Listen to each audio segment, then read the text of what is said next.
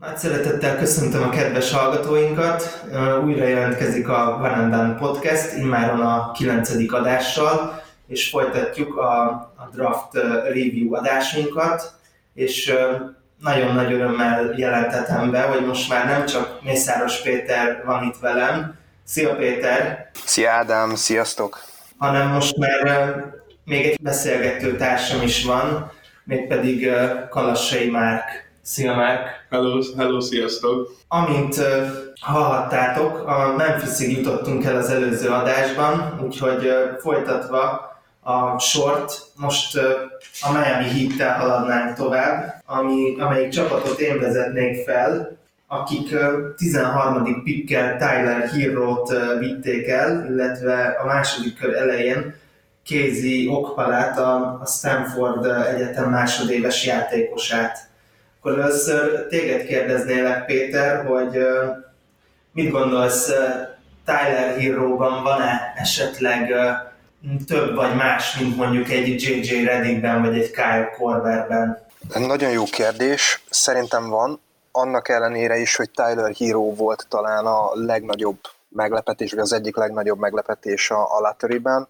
Jackson Hayes nekem nem volt annyira nagy meglepetés róla, még lesz szó, akit nyolcadikként húztak ki, Miami 13. választás az kifejezetten annak számított, mindenki, minden amerikai szakíró azt várta, hogy Romeo Langfordot fogja kihúzni Pat Riley, erre a híró választás az kifejezetten kifejezetten meglepő volt. Szerintem van benne több, nem csak egy shooter, hanem némi játékszervezésre is képes, a védekezése sem teljesen veszett, annak ellenére, hogy egészen, egészen félelmetesen rövid karfesztávolsága van, ugye a 6-6-os magasságához 6-3 csak a karfesztávolsága, ez nem, nem szokott segíteni védő oldalon egy játékosnak, bár talán ketteseken így is el fog tudni védekezni.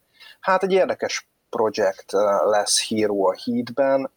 Én azt vártam előzetesen, hogy a Heat padra szeretne húzni egy olyan játékost, aki körülbelül azt a teljesítményt tudja nekik hozni az első egy-két évükben, amit a eléggé vasdabb, de rutinból még megélő Dwayne Wade csinált itt az előző szezonban. Tehát körülbelül egy, egy ilyesmi, egy ilyesmi szerepre vártak, várták Langfordot elsősorban, de szerintem ezt Hiro is meg fogja tudni oldani.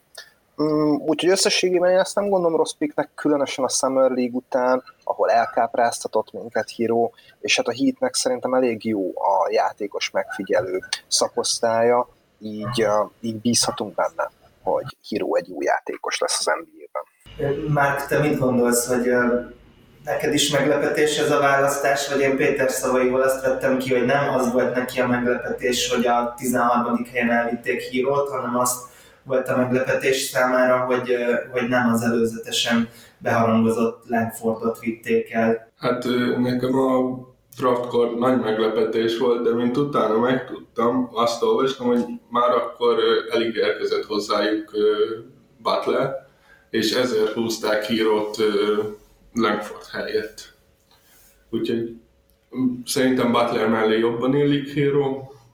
Langfordban én nem látok sokat, de, de szerintem ez egy jó húzás volt. Igaz, meglepő, bár a 9. pick nekem meglepő volt, hogy a 11 de szerintem ez egy jó húzás volt.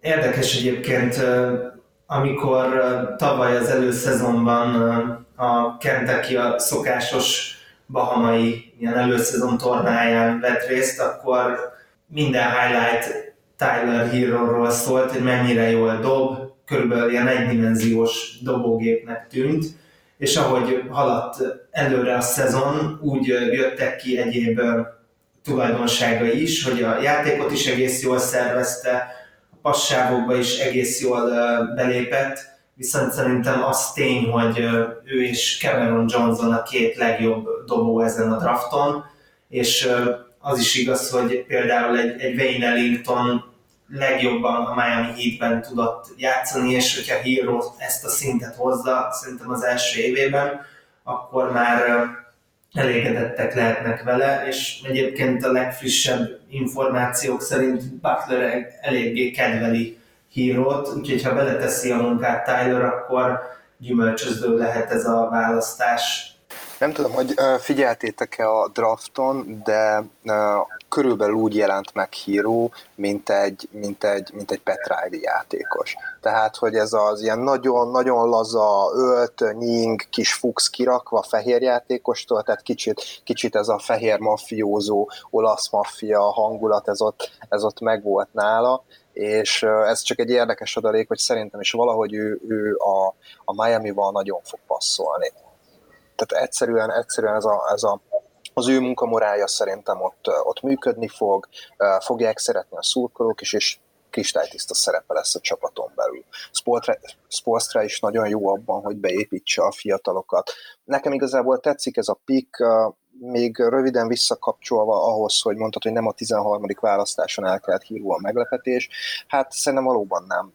Elég kristálytiszta tírek voltak ezen a drafton, és néhány, tehát hogy a tíren belül a játékosokat elég jól lehetett egymással felcserélni. És most, hogy Híró 13. helyen kelt el, az is jó, de hogyha 15. vagy 16. helyen ment volna el, körülbelül az is rendben lett volna.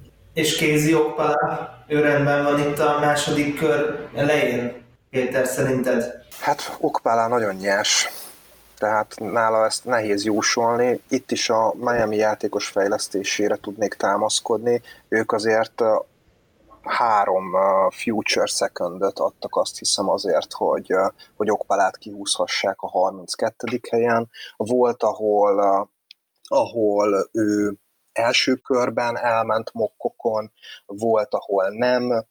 Körülbelül ez a 20.-40. hely között van 20 játékos, akik között megint nagyon nehéz sorrendet felállítani. Ez egy borzasztóan nagy tír ezen a, ezen a 2019-es drafton, úgyhogy itt igazából szinte minden választás rendben van ott, ahol kihúzták, itt, itt inkább erre a bizalomra tudnék építeni. Ugye ez az Indiana, sőt eredetileg a Phoenix Suns pikje volt, ugye ezt adták azért az Indiánának, hogy átvegye tőlük TJ Warren szerződését, ami egyre jobb biznisznek tűnik így az előszezon meccsek fényében, és hát ezt értékesítette tovább az Indiana meglehetősen borsos áron.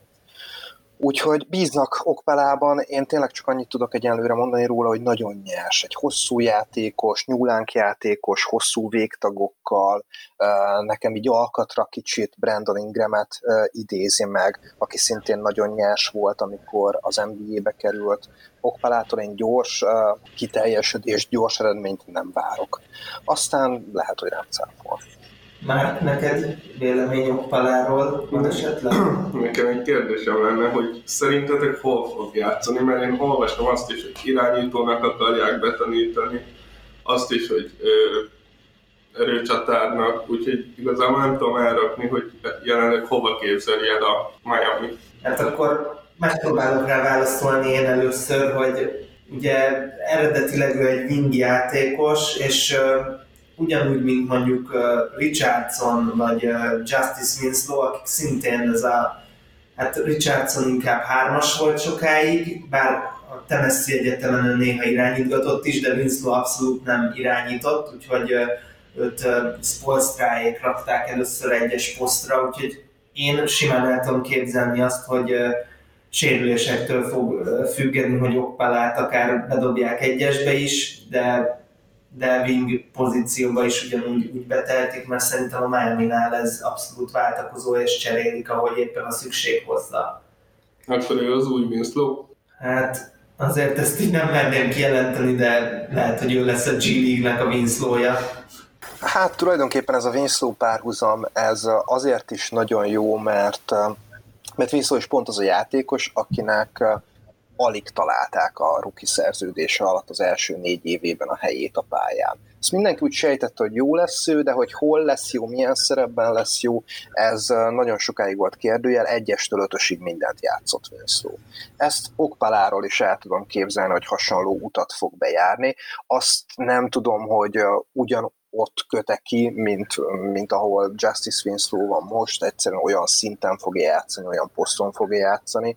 Én tényleg nem mernék jóslásokba bocsátkozni, mert Oppala tényleg nagyon nyers egy elég jó alkata van ahhoz, hogy kosárlabdát játszon NBA szinten, nem tűnik teljesen fakezűnek, nem tűnik, nincsen olyan egyértelmű hibája, vagy, vagy piros felkiáltójel, ami, ami, ami bármelyik irányt elzárja előtte, hogy ő egy üres lap, egy nyers prospekt, meglátjuk, hogy ki belőle. Miami-ban tényleg ki szoktak hozni az ilyen játékosokból valamit. Akkor értékeljünk szerintem. Már te hányas osztályzatot adnál a Heat draftjára? Hát nekem híró nagyon tetszik. Ok, valahogy kicsinek, kicsit soknak tartom a három szekundot, úgyhogy én egy ilyen négyest adnék rá. Én is pont a négyesre gondoltam, mivel főleg a Jimmy Butler igazolás tükrében azért Tyler Hero egy nagyon jó fitnek tűnik, és itt a morális találkozik a, a, a hajlandósággal, úgyhogy én is a négyest megadom. Nem vitatkozom veletek, én is négyesre értékelném a, a Miami draftját, nem csináltak semmi hibát, kiemelkedően jó húzásnak sem mondanám egyiket se, úgyhogy egy, ez egy jó draft volt számukra. A következő csapatot hadd harangozzam be én, a Milwaukee Bucks lesz a következő csapat, akik elcserélték az utolsó pikjüket Clevelandbe, és a második körben sem húztak senkit. Értékelt is, kérlek. Igen, ha már beharangoztad, mindenképpen értékelt. Hát én erre a, erre a, a, a draftra adnék nekik egy Hmm, hármas, négyes között vacillálok, ugye ez a közepes értékelés, vagy közepesnél kicsit jobb. Talán azért mondanék inkább négyest, mert ők négy elég jó második körös jövőbeli pikket kaptak Clevelandből. Tehát megkérték ennek az utolsó úzásnak az árát. Ugye egy olyan csapatról beszélünk, akik eléggé be lesznek táblázva az elkövetkező években. Szinte biztos, hogy be fogják ajánlani Janisnak a a Supermaxot, akkor is, hogyha ezért további büntetéseket kell a ligának uh, fizetni, hogy előre ezt mondják, de hát nyilván mondják előre, egy ilyen sztárt meg kell tartani. Nem lesz helyük, csak a kivételeik lesznek, valószínűleg luxusadó is uh, probléma lesz nekik. Így nekik az, hogy az elkövetkezendő években négy fiatal tudnak húzni a második kör elején, ahol azért készebb játékosok szoktak elkelni, mint az első kör végén, Szerintem ez, ez egy jó húzás volt részükről. Amikor a keleten-nyugatban csináltuk a, a mock draftot, akkor én vittem a Milwaukee-t, én ugyanezt csináltam, eladtam a 30. pikket, de egyébként, hogyha nem ezt tettem volna, akkor egy, egy rotációba beilleszthető Winnow játékost, de alacsonyabb plafonnal rendelkező tehetséget húztam volna ki. Nekem Erik Pascal volt ott ezen a pikken kiválasztva. Szerintem, szerintem ez volt a legjobb, amit ők csinálhattak. Második körből éppen próbálkozhattak volna halászni ebben az évben is, de hát láthattuk, hogy Okpeláért is mit adott fel a híd. Szerintem a Milwaukee jól tette, hogy nem csinált semmit.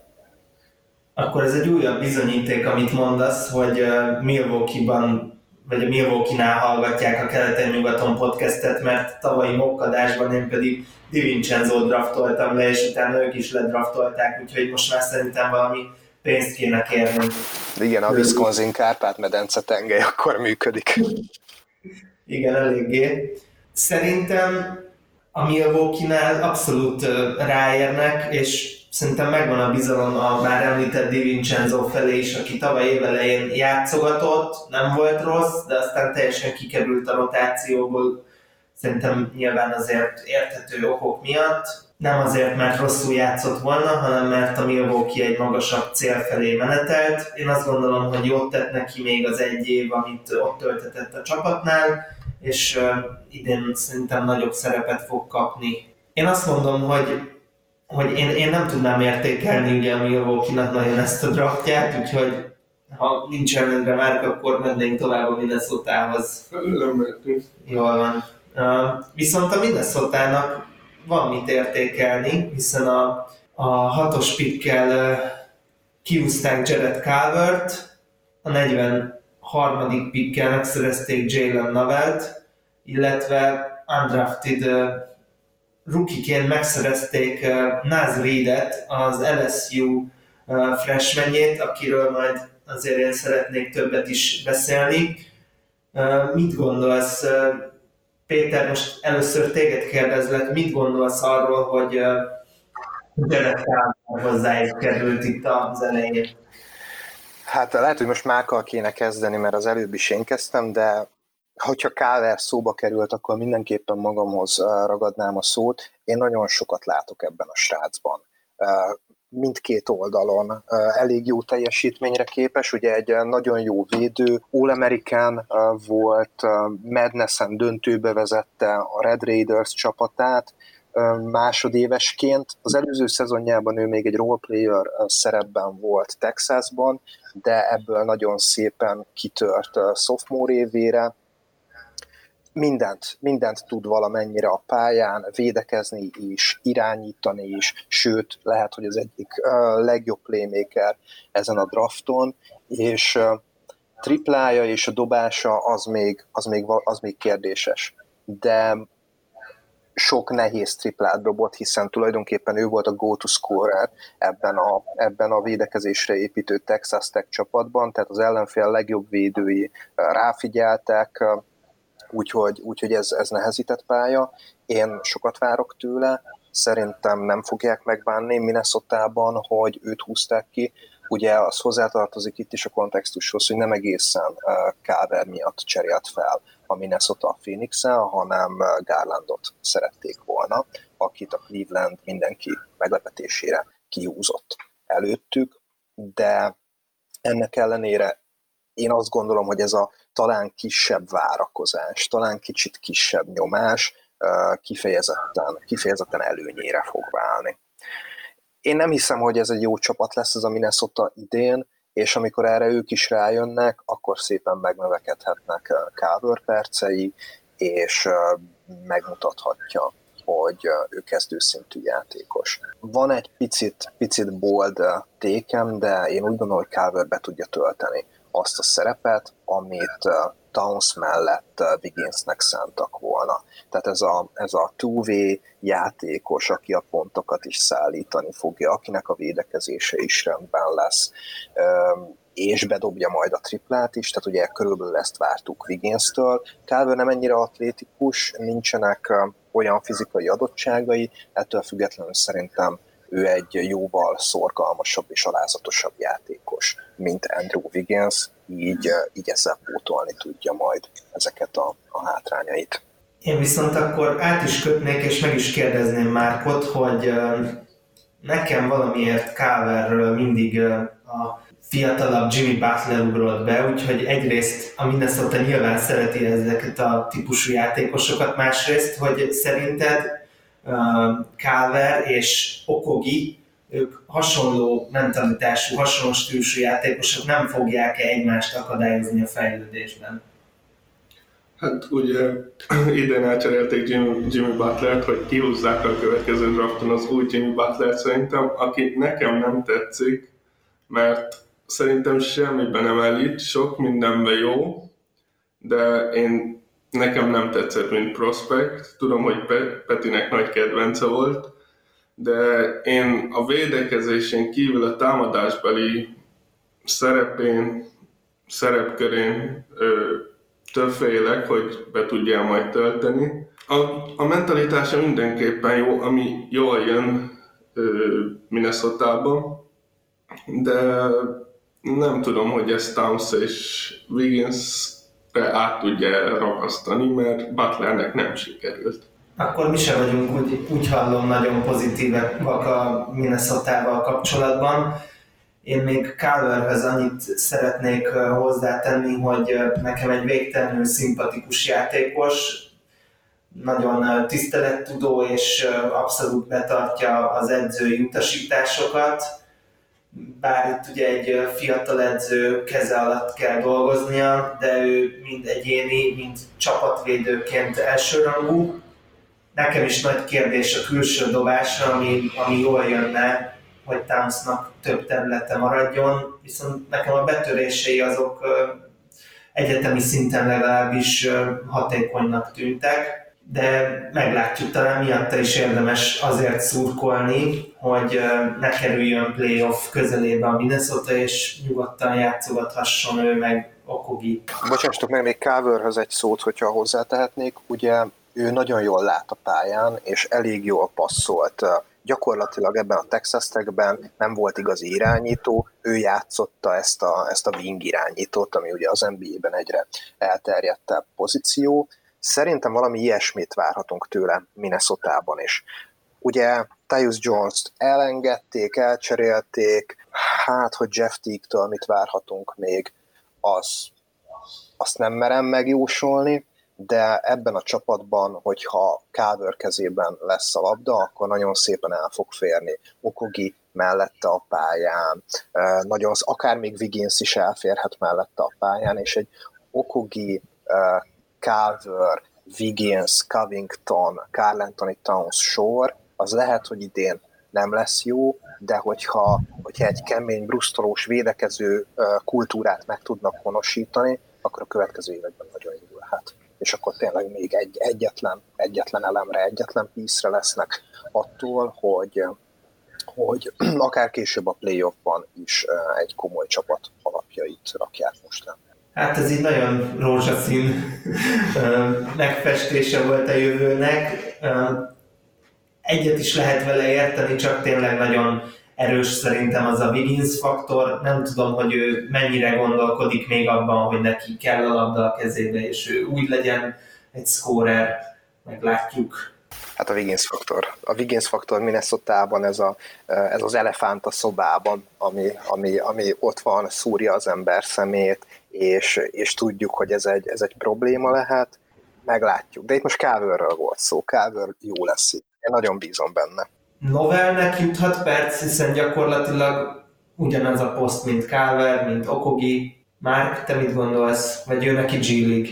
Én J. Novelt nagyon szerettem, mert a Tibul vagy Tybul draft után sokat néztem Washington meccset, teljes meccset, és ami a Washingtonnak Tibul volt védekezésben, az Novel volt támadásban, és szerintem egy nagyon sok oldalú scorer, shooter, aki jól tud dobni, osztogatni is tud, védekezésben már kérdésesebb, de nem tudom, hogy Minnesota jó helye lesz neki, vagy, vagy el lesz temetve. Péter, te mit gondolsz Novelről? Hát az ilyen típusú shootereknél, vagy főleg shooter játékosoknál nagy kérdés, hogy mennyire tudnak átjönni az, az NBA-be. Roleplayer potenciál van benne, egyenlőre, egyenlőre én nem merek vele kapcsolatban jóslásokba bocsátkozni, viszont, viszont valószínűleg fog játszani. Nem annyira telített ez a minnesota keret. Igen, Okogi előtte van, Carver is előtte van, de, de, de rajtuk kívül nagyon sok más használható gárd nincs ebben a csapatban. Hát Jeff Teague. De, de Teague-nek a szerepe valószínűleg egyre kisebb lesz itt. Hát Trivian graham írják még SG-nek, szerintem ő, ő nem annyira, tehát ugye egyre kevésbé tudjuk ezt a guard, vagy ball handler, vagy wing pozíciókat szétválasztani. Szerintem Graham ő nem, nem fog olyan sokat megenni a játékperceiből Novelnek, meglátjuk. Én viszont akire nagyon kíváncsi vagyok, az Naz Reed, aki végül is draftolatlan magas játékos lett, de neki nagyon érdekesen alakult a, a tavalyi éve, mert amikor elkezdődött a, az egyetemi bajnokság novemberben, akkor őt nagyon sok mock draft az első tízbe várta, és én figyeltem is az LSU Tigersnek a mérkőzéseit, aki nem látta esetleg még őt pályán, akkor én úgy tudnám jellemezni, hogy egy stretch five-ról van szó, akinek egy nagyon folyékony, fluid dobó mozdulata van, akár még a triplán kívülről is, és a labda leütése is megy neki, viszont védekezésben már egyetemi szinten is teljesen elveszettnek tűnt. Nem egy jó rim protektor, switchek után a periméteren is elég gyámoltalannak tűnik, minden esetre ritkán szokott előfordulni olyan, hogy, hogy valakit évelején még a top 5-be vagy top 10-be várnak, és utána undrafted lesz. Viszont én nem látom azt, hogy ő Towns mellett fog tudni játszani, helyette meg főleg nem, úgyhogy neki szerintem maradni fog a, a G-liga, aztán meglátjuk, hogy megragad-e a mezőnyben. Már te figyelted -e esetleg őt, vagy neked kívül esett a radaron? Én figyeltem őt, és szerintem Townsnak jó helyettese lesz, amikor Townsnak ülnie kell, mert támadásba tud segíteni, és Towns bár most már jobb védő, de első két évében azért ő is elég elveszettnek tűnt NBA szinten, és Reed szerintem nála jobb, jobb rim protector, viszont rosszabb switch defense ellen. Lehet, hogy nála a zóna az, ami majd működhet, amikor ő pályán lesz. És Péter, te figyelted őt esetleg? Nagyon felszínesen követtem Reedet, azt én is láttam, hogy a szezon elején nagy tehetségnek várták, és a szezon végére kicsúszott a második körből is. Ez engem mindent összevetve meglepett, és az, hogy talán a megítélésének a mélypontja az pont a draftra esett, azt is mutatja, hogy egy nagyon jó Summer League-et hozott le, ahol Tudjuk, hogy ebből a Summer League-ből nem érdemes nagyon messze menő következtetéseket levonni, de hát a Minnesota mégis levon belőle annyi következtetést, hogy a tervezett túvé szerződés helyett őt rendes rookie minimum szerződéssel magukhoz kötötték. Igaz, hogy ez a szerződés az nem garantált, tehát meg kell dolgoznia napról napra a helyéért, valószínűleg főleg a G League-ben, de ez, amit már mondott, ezt én is látom, hogy, hogy ő egy egy, nem is tudom, uh, garbage time Carl Anthony Towns, ami, ami benne lehet, vagy ami benne van talán már most is, és, és az passzolhat ebbe a csapatba. Tehát percei lehetnek, lehetősége lesz, ugye a fizikai paraméterei nem rosszak, csak nem, nem, nem érzi, nem érzi, hogy védekezésben mit és hogy kellene csinálnia. Viszont elég fiatal, tehát ő freshman volt az LSU-n, tehát egy év egyetem után érkezett a, a ligába, neki ezen kell dolgoznia. Ugye magas emberek, akik nem tudnak fiatalon védekezni, ez nem feltétlenül jelenti azt, hogy később sem fognak megtanulni. Tehát neki még, még van, van helye, van ideje a fejlődésre. Nem vagyok annyira, annyira borulátó vele kapcsolatban sem. A tehetség az minden esetre egyértelműen megvan, és szerintem ez ügyes halászás volt a zavarosban a Minnesota-tól, mert undraftedként azért eléggé no-brainer volt, hogy egy Naz féle tehetséggel érdemes megpróbálkozni. Úgyhogy én, én le is zárnám itt a minnesota és azt mondanám, hogy, hogy én, én nekik is egy, egy négyest adok, mivel nekem a Calver féle pick az kifejezetten tetszik.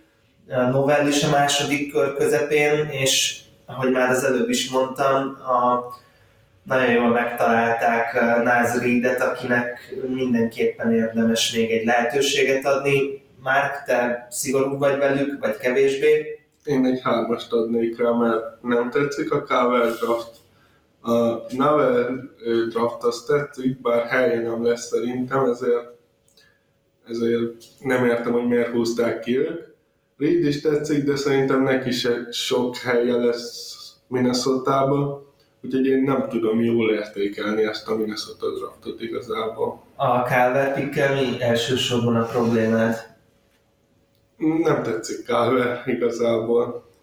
Ne, nem tudom, hogy mit tud hozzáadni majd ehhez a Minnesotához, amit mondjuk Towns nem tud megoldani, mert ő is tud osztogatni, dobni is tud kintről, Wigginsnek jó helyettese lenne, de emeltek Wiggins mellett fog játszani, és Teague mellett, úgyhogy nem tudom, hogy nem tudom, hogy mit fog tudni mutatni támadásban. Szerintem jó védő lesz, lehetne első évében, de hasonlóan Butlerhez a rookie szerződése végére egy jó védő lesz belőle, de támad oldalon én nem látok benne sokat.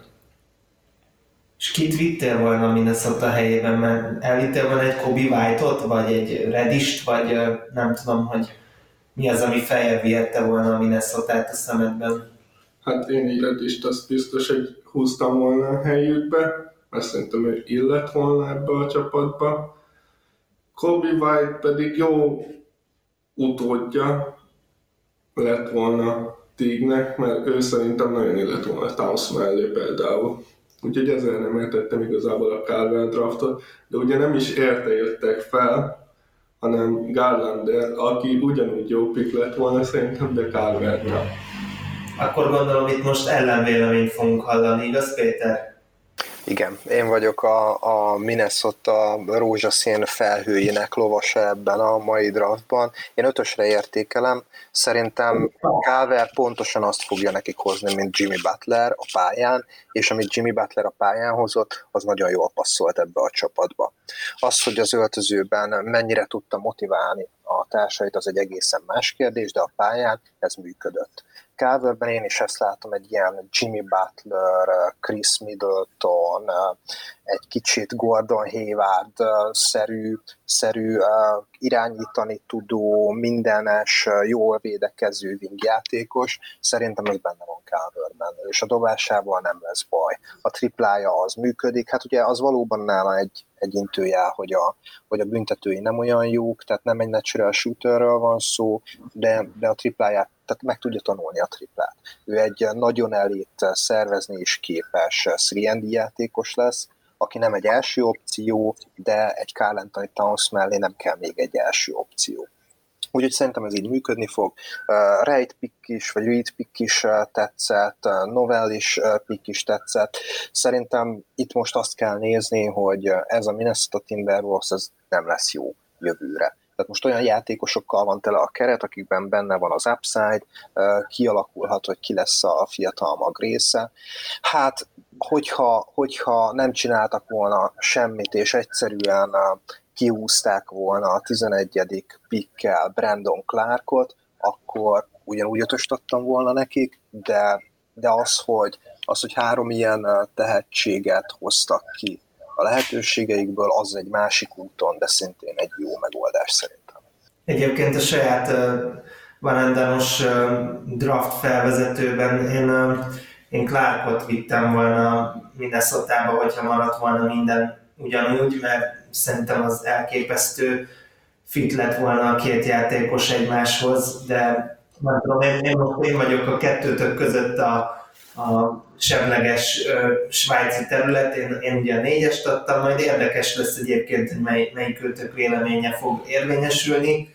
És egyébként Péter, te all teambe is várod Calvert, akár first all teambe, vagy azért ennyire nem vagy még te sem uh, magabiztos vele kapcsolatban? Én egy olyasmi uh, rookie évet is látok benne, mint amit a Utah Jazzben produkál Donovan Mitchell, aki szintén egy picit ilyen uh, ilyen kérdésesként várt prospektből tavaszra nagyon megtalálta a helyét. Ilyesmi fejlődési ív szerintem benne van, és hogyha ezt kihozza, akkor igen, akkor a rookie teambe be kell, hogy kerüljön. Szerintem hogyha egy átköthetek a New Orleans Pelicanshez, az nem is kérdés, hogy ott viszont várunk a rookie team játékosokat, hiszen ugye aki még esetleg valami hibernálásból került volna elő, és nem tudná, ugye az első választással Zion Williamson vitték el a Duke Egyetemről, 17. helyen kiválasztották Nickel Alexander Walkert, a Virginia Tech másodéves játékosát, a második kör elején elvitték Marcos Luzada Silvát, aki számomra nem annyira ismerős név. És tesselni is fogják, és tesselni is fogják, bocsáss meg, hogy beleszólok, tehát, hogy ő, őt nem fogjuk látni a egyenlőre az NBA-ben.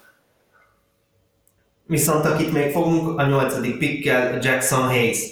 Úgyhogy én most, mivel nagy gyúkrajongó, ezért már adom meg a lehetőséget, hogy Zion Williamson értékelésbe belekezdjen, ami gondolom nem három perc lesz így nekünk. Nálam nagyobb Zion megkérdő, megkérdőjelező nincsen szerintem Magyarországon. Hát maximum Ellenbrook Zsolti. Igen. Igen, igen, lehet még az, de én Zionba nem látom azt, amit mások látnak, így, így ne, nem, nem értem az 1 per 1-es. Szerintem RJ a Gyúkon sokkal többet tett a csapathoz, mint Williamson. Nekem a védőoldalon is nagyon kérdéses, mert bár mutatott jó jeleket, de szerintem kicsit nem impactmentes, de kevés impactes védekezése volt a gyúkon, amit sok, sokkal, sokkal jobban segített Cam Reddish a gyúk védelmének, mint Zion. Támadó oldalon pedig ugye szinte csak palánk alatt, valami 80%-át a helyzetének palánk alól dobta, és ezért hozott nagyon jó perstatokat, TS százalékot, ha jól emlékszem, és valami 60 plusz százalékos field goal százalékot is, de valamelyik oldalon láttam, még szezon közben talán, volt egy ilyen térkép, ahol a dobásokat mutatta minden játékosnak, minden dobása benne volt, és szinte a, tele volt a, a festék, és jobb, jobb és bal oldalt a palánk mellett, de tripláról alig volt, vagy tizenvalahány kísérlete volt, ha jól emlékszem, Zionnak. A dobó mozdulata nekem nagyon nem tetszik, úgyhogy én, én ennek a piknek nem örültem, és nem tetszett a New Orleans-tól. Péter, te is ennyire borulátó vagy Zion Williamsonnal kapcsolatban? Hát, hogyha bárki ezen a drafton nem húzza ki első pikkel Zion Williamson-t, arra szerintem a keresztvizet leszettel volna az amerikai szaksajtó és a nemzetközi NBA közvélemény is, tehát itt szerintem ez, ez nem lehetett kérdés, hogy itt egy per egyel zajon fogják kihúzni. Kicsit visszakapcsolnék az előző adás elejére, ahol azt mondtam, hogy ennek a, a draftnak a, a toteme az Paul Millsap. És Williams is ehhez a vonalhoz uh, áll közel szerintem. Nem biztos, hogy ő szupersztár lesz a ligában, de egy, egy ilyen nagyon jó uh, munkásember lehet sokféle skill és kérdés nélküli sztár, és hát ugye az a, az a faktor, hogy, hogy mekkorákat tud ugrani, az, az mindig ott lesz mellette. Tehát kicsit ilyen cirkuszi látványosságként is működni fog, de hogy szerintem be lehet őt illeszteni a pályára. Az tény, abban egyetértek Márka, hogy benne nincs meg az a, az a szupersztár potenciál, hogy ő lesz itt a, a nem is tudom, következő LeBron James, tehát ezt, ezt én sem látom benne, és azt is el tudom fogadni, hogy Beredben benne lehet egy ilyen típusú kitörés, hogyha minden csillag összeáll, de szerintem Zion Williamson plafonja nem sokkal alacsonyabb, viszont a padlója sokkal magasabb. Tehát az ő játékát be lehet majd illeszteni az NBA-be, és jó csapat, jó csapatban lehet jó játékos. Beretnél ez nem biztos, ebben nem vagyok biztos, hogy egy jó csapat jó játékosa uh, tudna lenni, hanem, hanem inkább a stadgyáros. Bár most még nem a New Yorkról beszélünk, de ezt a párhuzamot talán ide is be kellett hozni, hiszen az egész előző szezon erről szólt, hogy, hogy Beret vagy Williamson lesz itt a, a jobb játékos. Én kedvelem Berett Zion Williamson-t, nagyon jó a munkamorálja, de az biztos, hogy túl nagy volt a hype vele kapcsolatban. Ezt aláírom Márknak, de ettől függetlenül szerintem is őt, őt kellett volna elsőként kihúzni, és hát ezt meg is tette a New Orleans Pelicans. Én azt gondolom, hogy, hogy Zion Williamson pikket úgy érdemes vizsgálni, hogy egyrészt kosárlabda szakmai szempontból, másrészt pedig marketing szempontból.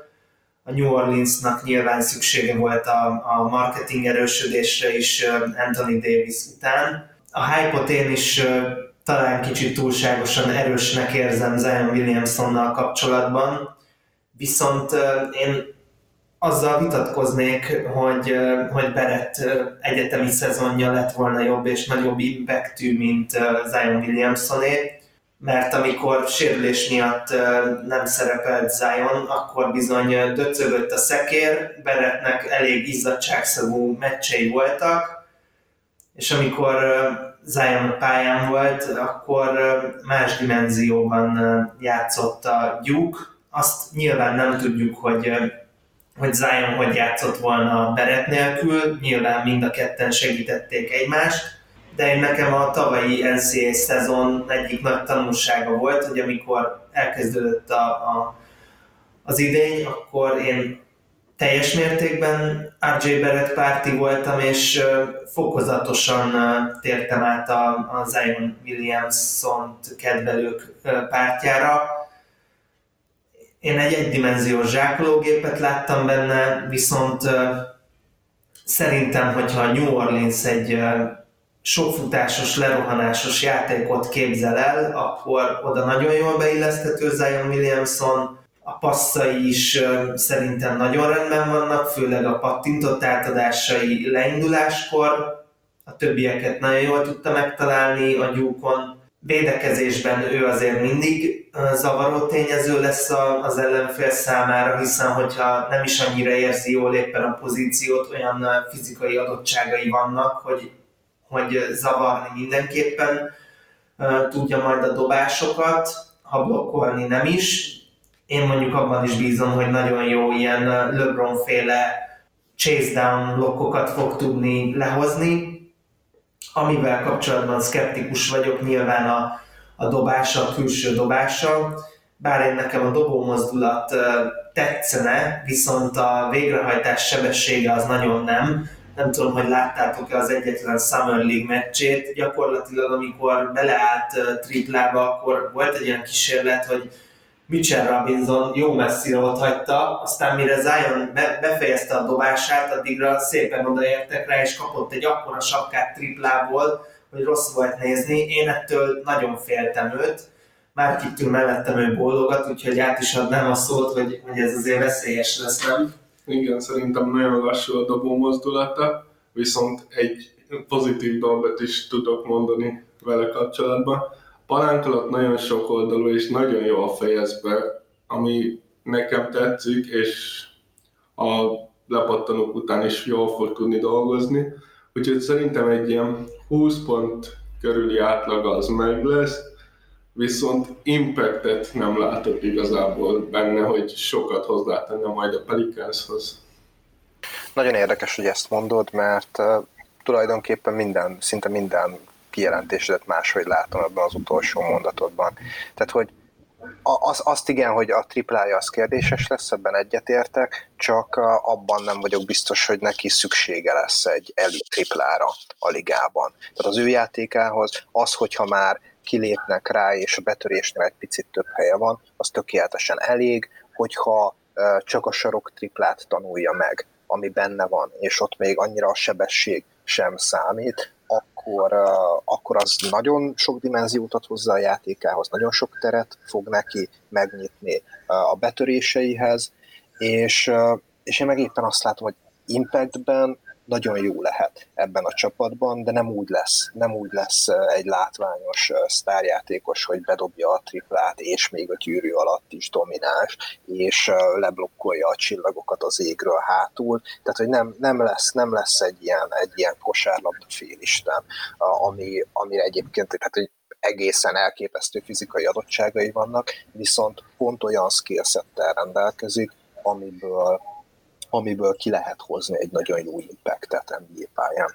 Szerintem kitárgyaltuk Zion Williamson-t, úgyhogy én azt mondanám, hogy a, a nyolcadik pickkel Jackson Hayes nekem megmondom őszintén, hogy nálam ez a pick az, ami Marknak a Zion pick. Én a nyolcadik helyen, én, én Brandon Clarkot vittem volna, hogyha már ilyen Jackson Hayes típusú játékosban gondolkodunk, bár, bár azt gondolom, hogy Hayesnek is helye lehet a, a Pelicans rotációjában. Amennyire én láttam őt, neki külső dobása abszolút nincsen, úgyhogy rá egy ilyen rim protector és pick and roller befejező játékosként számítanak.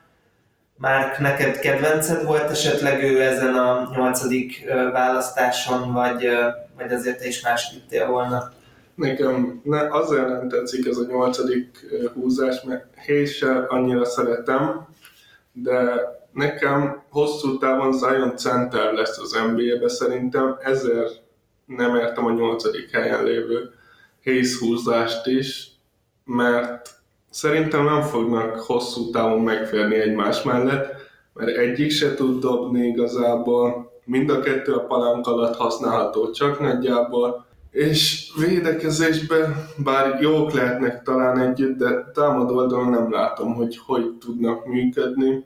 Akár egy Ruit is jobban láttam volna mellette, egy Kemredist is, nem, nem tudom. Hész nagyjából én Gafforddal együtt néztem a center poszton, és Gafford a 38 ha jól emlékszem, 38 helyen húzta, nagyjából ugyanazt tudja amúgy, amit Hayes, és nem értem, hogy mellett ennyire felkapott Hayes, mert nem látom, hogy mivel tehetné jobbá ezt a Pelicans, és mi, mi miatt maradna meg hosszú távon kezdőposzton az NBA-ben.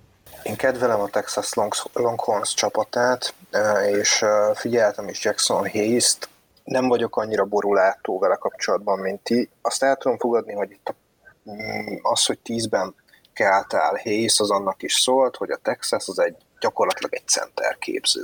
Az elmúlt években uh, innen került ki, innen került ki Miles Turner, uh, innen került ki Jarrett Allen, innen került ki Mohamed Bamba, vagy Mo Bamba, uh, tehát olyan, olyan centerek kapnak itt képzést, akik akik a modern NBA követelményeknek általában megfelelnek.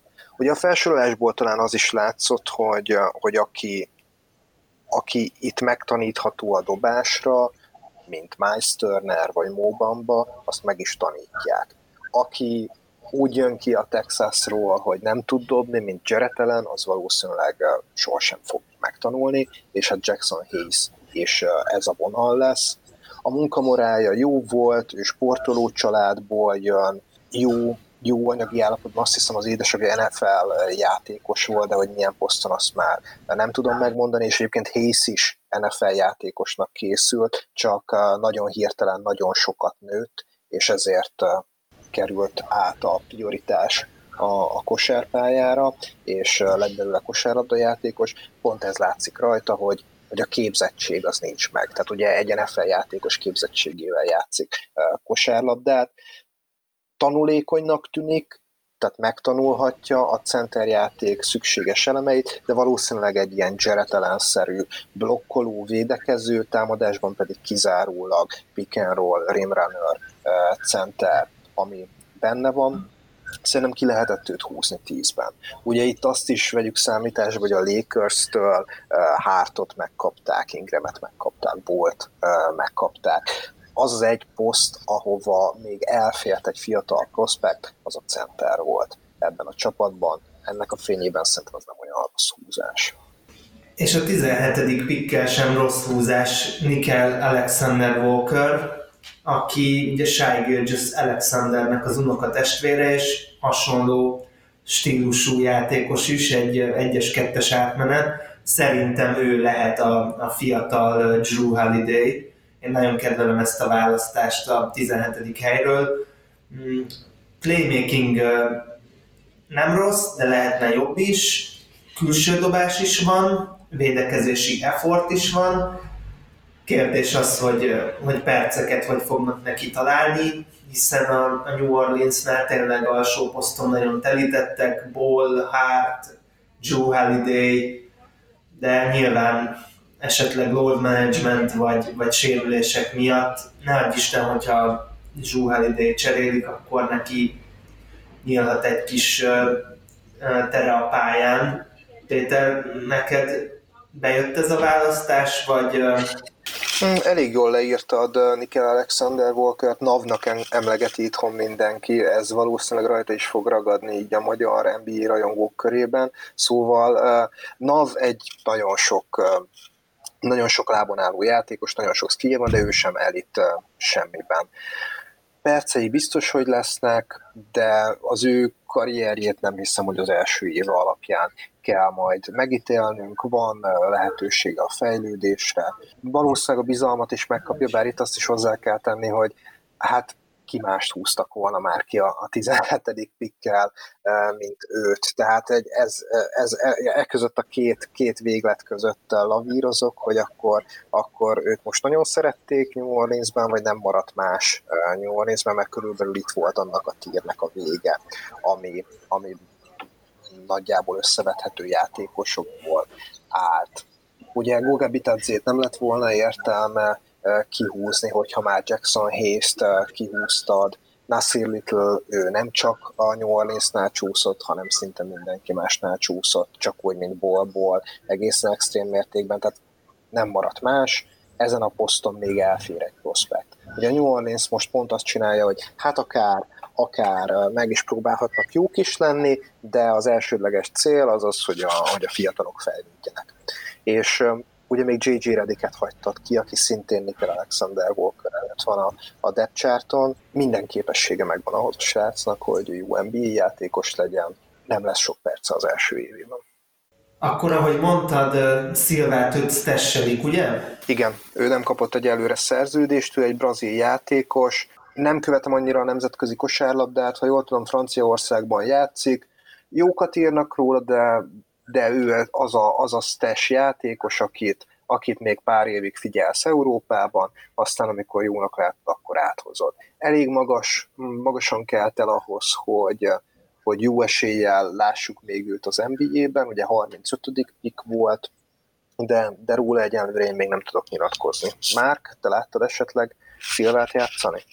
Nem, nem láttam, ezt mondtam Ádámnak a podcast előtt is, hogy Róla nem tudok nagyjából semmit. Olvastam néhány dolgot, de annyira nem is figyeltem, és nem ismerem. Hát itt arról lehet szó, hogy ugye eleve három újoncot húztak az első körben a New Orleansban, és egyszerűen egy olyan ember kellett, aki nem foglalja a roster spotot, mert azok, az fogyott ki a Pelicansnél. Tehát ezért kereshettek ők stash játékost itt az alakulás, a dolgok alakulásának fényében szerintetek megérte a negyedik pikket elcserélni, vagy nem? Péter? Hát kettőt és könnyebbet kérdez.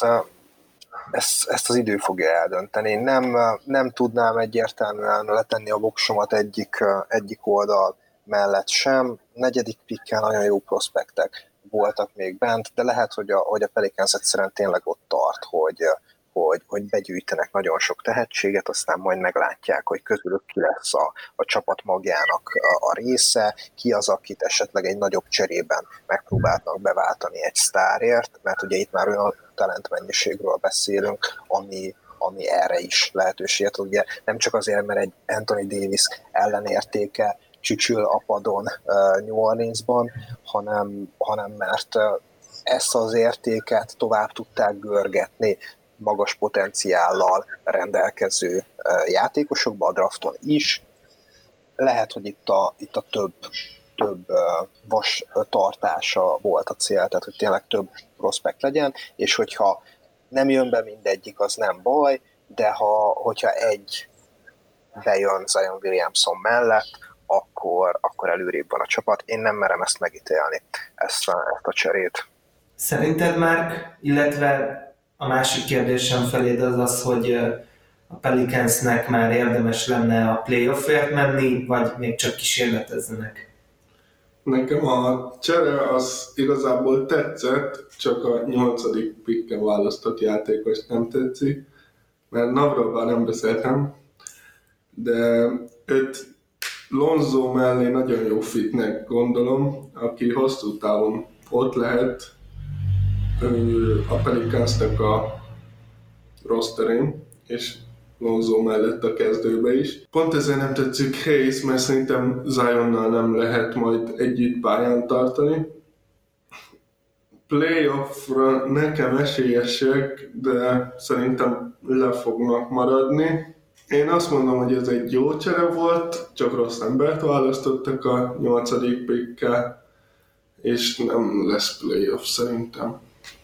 És hogy értékelnéd őket az osztályozós rendszerünkben? Hármast adnék rá, de csak ö, NAV miatt, mert egy nagyon jó Summer League-et futott, nagyon jó, nagyon nagyokat játszott a Summer League-be, és nekem ő az egyedül, aki tetszik ezen a Pelicans drafton, úgyhogy nap miatt hármas amúgy leértékeltem volna. Én a Hayes választás miatt adok nekik háromnegyedet. Nálam Williamson no-brainer volt, Walker meg, ahogy Péter, te is mondtad, szerencsésen lecsúszott hozzájuk, viszont a, a Hayes pick az nekem sem annyira tetszik, úgyhogy ezért én egy háromnegyednél tenném le a voksomat. Akkor leszek megint én a pozitív, én négyest adok nekik. Uh, egyszerűen azért, mert hésszel meg kellett próbálkozni. Tehát tényleg egy annyira telített, fiatalokkal annyira telített csapatról beszélünk, hogy, hogy ki kellett húzni a, a, a draft legjobb centerét, hogyha van három első körös pikked. A következő csapatunk a New York Knicks, ahol az 1 per 3-on kivitték RJ Barrettet, és a második körben 47. pikken Iggy Brasteikiszt, akinek nehéz kimondani a nevét. Nekem RJ Barrett volt a kedvencem a gyúkon, ugye gyúkszurkoló vagyok, ezt elmondta Ádám az előbb. Nekem ő a, az a játékos, akiben a, ezen a drafton a superstar potenciált láttam, hogy rá lehet leginkább csapatot építeni, és szerintem egy nagyon jó scorer lesz, védőoldalon is megvan benne a potenciál, és kellett, a, kellett New York városának egy Barrett szerintem, úgyhogy én örültem neki, hogy oda húzta, mert talán New Orleansba és Memphisbe is kicsit elveszett, vagy elveszett volna erejéből a Jaren Jackson, vagy ugye Ingram, Lonzo a New Orleansnál. Úgyhogy én örültem, hogy New Yorkba került. Szerintem a New York két-három év múlva playoffra esélyes lehet RJ Berettel. Szerintem a FA piacon is jókat húztak RJ köré, úgyhogy én ezt nagyon jó. Azért ezek erős kijelentések, hogy egy New York az FA piacon jókat húzott, de, de nem akartalak félbeszakítani, bocsánat, folytatni meg. Úgyhogy szerintem ez a New York nem lesz jövőre egy per ezt ki, ki, kimondom, és nagyon bízom Iggybe is, és RJ-ba is. Iggy ugye nekem RJ után talán a második kedvencem volt a drafton, hogy Ellenbrook Zsoltinak is nagy kedvence, ugye a Michigan szurkoló. Nekem így egy nagyon intelligens és igazából atletikus játékos is ö, volt a drafton. Úgyhogy nekem tetszett a New York idei off-seasonje. Én, én nem tudok igazából többet mondani róla. Én örülök ennek a két húzásnak New Yorkban. Lehet, hogy már kezded a véleményeddel most itt a podcastben egyedül maradsz, mert nem tudom, Péter, hogy vélekedsz róla, de én egy kicsit a másik oldalt fogom majd képviselni, de akkor átadom neked először a szót. Én is a másik oldalt fogom képviselni. RJ Beret Isten adta kosárlabda tehetség, viszont én nem látom benne azt, hogy ő egy modern játékos lehet még talán tíz éve, de inkább húsz éve egy, egy ISO érában ő nagyon jó lehetett volna, mm, azt nem tudom, hogy, hogy ott, ott mire ment volna ezzel a skillsettel, de, de mindenképpen, mindenképpen többre, mint most. Neki nagyon nagy fejlődést kell bemutatnia ahhoz, hogy én is lássam benne, amit, amit Mark elmondott. Ő akarta New Yorkot, tehát ezt lenyilatkozta, ezt tudni lehetett, hogy, hogy mindent, mindent, amit a New York Knicks jelent, New York jelent, a Madison Square Garden jelent, azt ő szerette volna. És aki csak erről, csak ebből az aspektusból eszembe jut róla, az, az Carmelo Anthony. És és ez a, ez a, ez a párhuzam, ez, ez lehet, hogy rá is igaz lesz, hogy egy, egy csodálatos statokat lehozó játékos lesz, akit imád a New Yorki közönség, viszont nem jut vele sehová a csapat. Benne van a fejlődés, neki is nagyon jó munkamorálja van, neki Steve Nash azt hiszem a, a keresztapja, tehát hogy ilyen családi, családi kapcsolat van közöttük, ő biztos, hogy tudja majd felkészíteni arra RJ-t, hogy hogy mit jelent az NBA-ben játszani, mit jelent, hogyha a Rivalda fény téged vesz körbe. Tehát ezt minden lehetőség adott, hogy el fogja tudni viselni, vagy hogy el tudja viselni, de nem biztos, hogy ez, ez elég lesz ahhoz, hogy, hogy ő szuperszár legyen a ligában. Viszont a potenciál megvan benne. Tehát az, hogy amit, amit már elmondott, az a potenciál, az meg lehet benne, ezt találjon.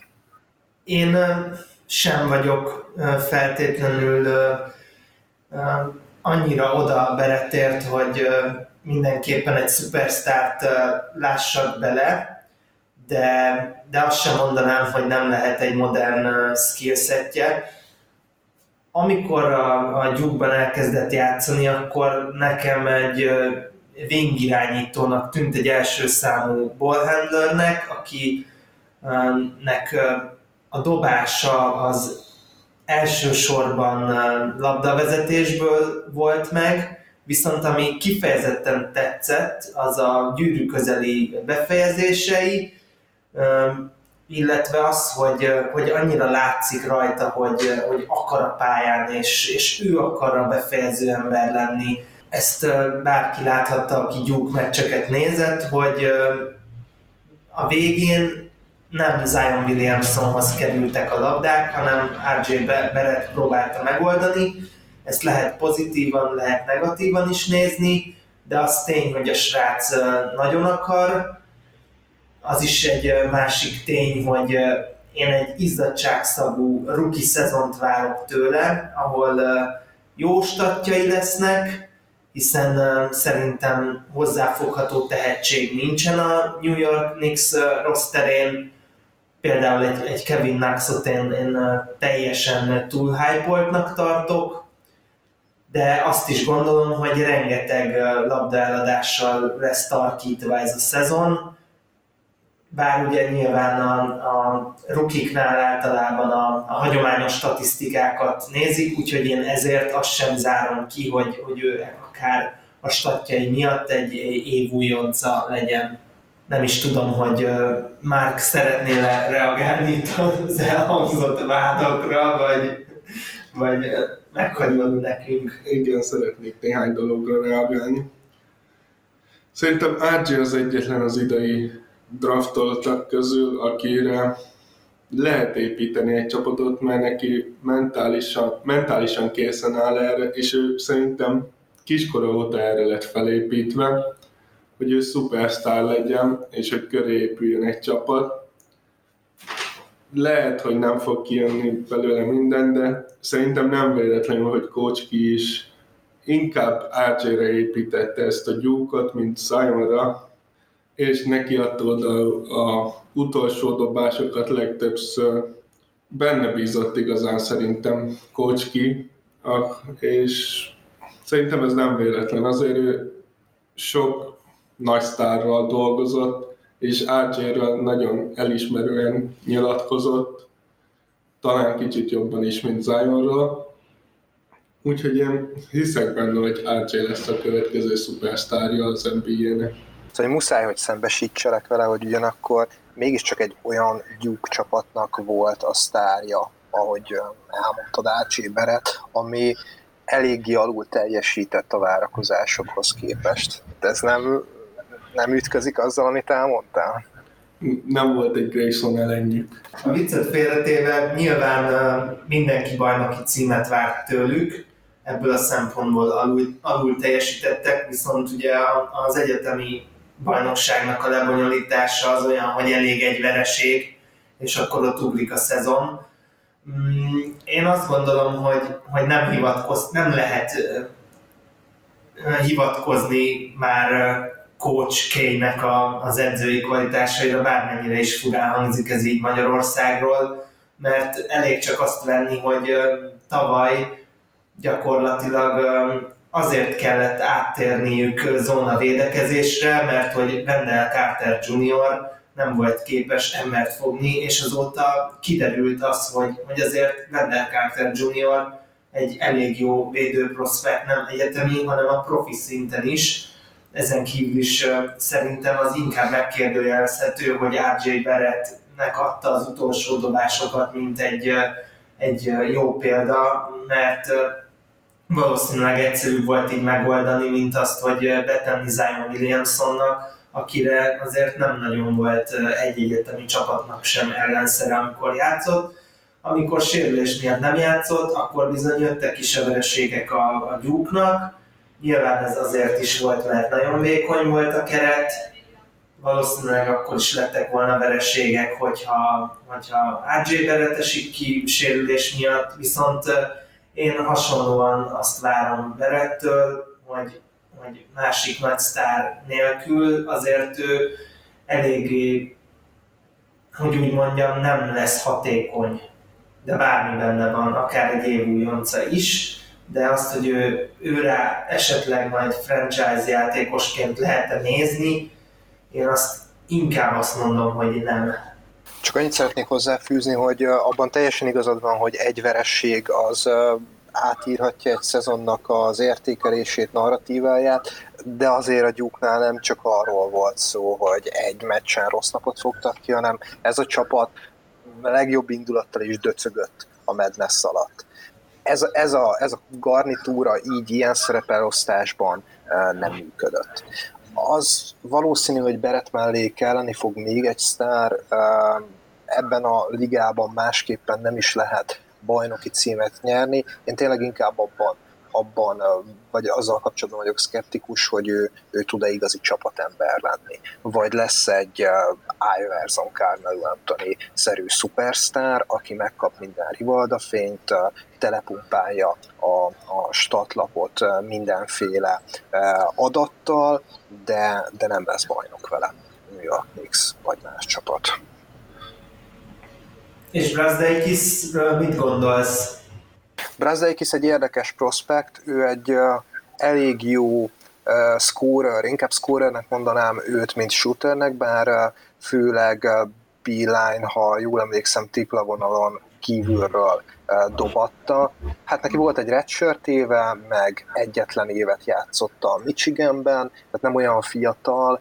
Érdekes, valószínűleg fog kapni perceket, ez, ez mindenképpen jót tesz majd neki, hogy tapasztalatot szerez, de olyan nagy potenciált én nem látok benne. Lehet egy jó rotációs játékos, lehet egy packórer, de a védekezése nincs olyan szinten, hogy kezdő legyen a ligában. Érdekes, hogy én, én például pont azt gondolom, hogy, hogy neki megvan a megfelelő intelligenciája, és a, képességei is meg lehetnek, hogy egy nagyon jó csapatvédő legyen. Kicsit olyannak érzem, aki, aki mindenbe kicsit be, be tud segíteni, viszont nekem a dobó mozdulat az, az nagyon nem tetszik főleg egy periméter játékostól. Hát tulajdonképpen szerintem nincsen nagyon távol az álláspontunk, csak más irányokból közelítettük meg. A dobó mozdulata kétségtelenül nem szép, ezért is használtam inkább a scorer, mint a shooter kifejezést, de rá lehet bízni dobásokat, pontot szerezni tud, valószínűleg, valószínűleg nem, nem pure shooterként fogunk rágondolni. És a védekezésben, hát igen, el tudom fogadni, hogy csapatvédő lehet belőle, de a fizikai adottságai, az effortjai alapján én, én tényleg maximum ezt látom benne, hogy, hogy ha intelligenciából kell megoldani egy helyzetet, és csak a helyezkedésre épít, akkor lehet belőle valami, de szerintem fizikálisan ő, ő nagyon korlátozott ahhoz, hogy, hogy, hogy NBA szinten ez ennyire egyértelmű legyen. Értékelés esetleg, Márk? Gondolom te ötöst fogsz adni. De Márk, te még nem beszéltél Igiről. Hát, nekem Igiről az a elképzelésem, vagy a véleményem, hogy Szerintem ő egy jó kezdőjátékos lehet, vagy egy hatodik ember. Ugye ő amúgy nem jött volna ki a draftra nagy valószínűséggel, csak az edző távozása miatt jött ki, hogy felt, hogy az új edző alatt nem biztos, hogy ugyanezt le fogja tudni hozni, így inkább kiírta idei draftra. Szerintem védő oldalon egy jó csapatvédekezéssel jó védő lehet. Nekem kicsit ilyen védő ilyen korvernek tűnik, de támadó oldalon én nagyon bizakodom benne, és nekem nagyon tetszik, amit ő hozott az előző idénybe támadó oldalon. Úgyhogy szerintem RJ-val jól ki fogják egészíteni egymást, és jó lesz ez a New York. Hát, hogyha nekem értékelnem kell őket, akkor én egy ötös adok rá, mert nekem a harmadik picken is RJ Steelnek tűnik, és a 47. picken is Iggy is Steelnek tűnik, úgyhogy hogyha ez nem ötös nálam, akkor nem tudom, hogy mi lenne az ötös. Péter? Szintén ötös? Hát most igazából már elgondolkodtatott, én inkább négyest akartam adni, amiatt, hogy, hogy LG Beret harmadik helyen no-brainer volt, azt Steelnek én nem mondanám, mert mindenki harmadik helyre várta, tehát hogy tulajdonképpen kihúzták a legjobb játékost a pikjükkel, ez nálam inkább négyes. Igi, hát ő bárhol elkelhetett volna, így 40 40 60 pick között, az azért valószínűsíthető volt, hogy ő draftolva lesz, tehát lejjebb nem csúszott volna. Neki is jó nyári ligája volt, úgyhogy hajlok a felé, hogy, hogy ő, ő lehet stíl, de, de nekem ez nem ötös, tehát semmi extrát nem csinálta a Knicks a drafton, amit nem vártunk volna tőlük. Akkor legyen négy ötöt, hogy egy picit, egy picit hagyjam magam befolyásolni márkáltal. Akkor most én leszek a szigorú. Én azt gondolom, hogy nyilván, hogyha mondjuk a Memphis valamiért elvitte volna a deretet, akkor Morántot vitte volna el a Knicks, tehát annyira kiemelkedett három játékos a drafton, hogy ők kényelmes pozícióból várhatták, hogy ki az, aki lecsúszik harmadik helyre. Brazday Kisztén nagyon sokszor láttam a Michigan Egyetemen játszani, szimpatikus választás, de nem tudom, hogy mennyire lesz világmegváltó ez a, ez a pick. Viszont, viszont őt sokszor első kör végére is láttam draftboardokon beírva, úgyhogy én, én benne látok egy, egy stíl lehetőséget, úgyhogy de mivel semmi extrát nem csinált szerintem a New York, én, én maradnék a négyesnél, és mennék is tovább az Oklahoma City Thunderre, akik a 23. választással Darius Bezlit vagy Bezlit választották ki, és ha jól tudom, már akkor neked hm, eléggé megformált véleményed is van vele kapcsolatban. Igen, ugye őt nem láttuk idén is tavaly játszani az egyetemen, mert ő kihagyott egy évet, a középiskola után, és úgy jelentkezett a draftra. Ugye így is kapott egy, egy milliós, ha jól emlékszem, Puma, de nem vagyok benne biztos, valamelyik cipőgyártótól szerződést. Ugye a középiskolából az egyik legnagyobb tehetségként jött ki, ha jól emlékszem, és én az oklómában látok neki bőt, mert ugye az ő posztján Ugye most ott van Gallinari talán, de úgyhogy szerintem ugye az Oklahoma-nál most jön egy-két-három év, mindig Shy, Beasley és a fia Ferguson köré elkezdenek építkezni. Úgyhogy szerint én nagy jövőt látok benne.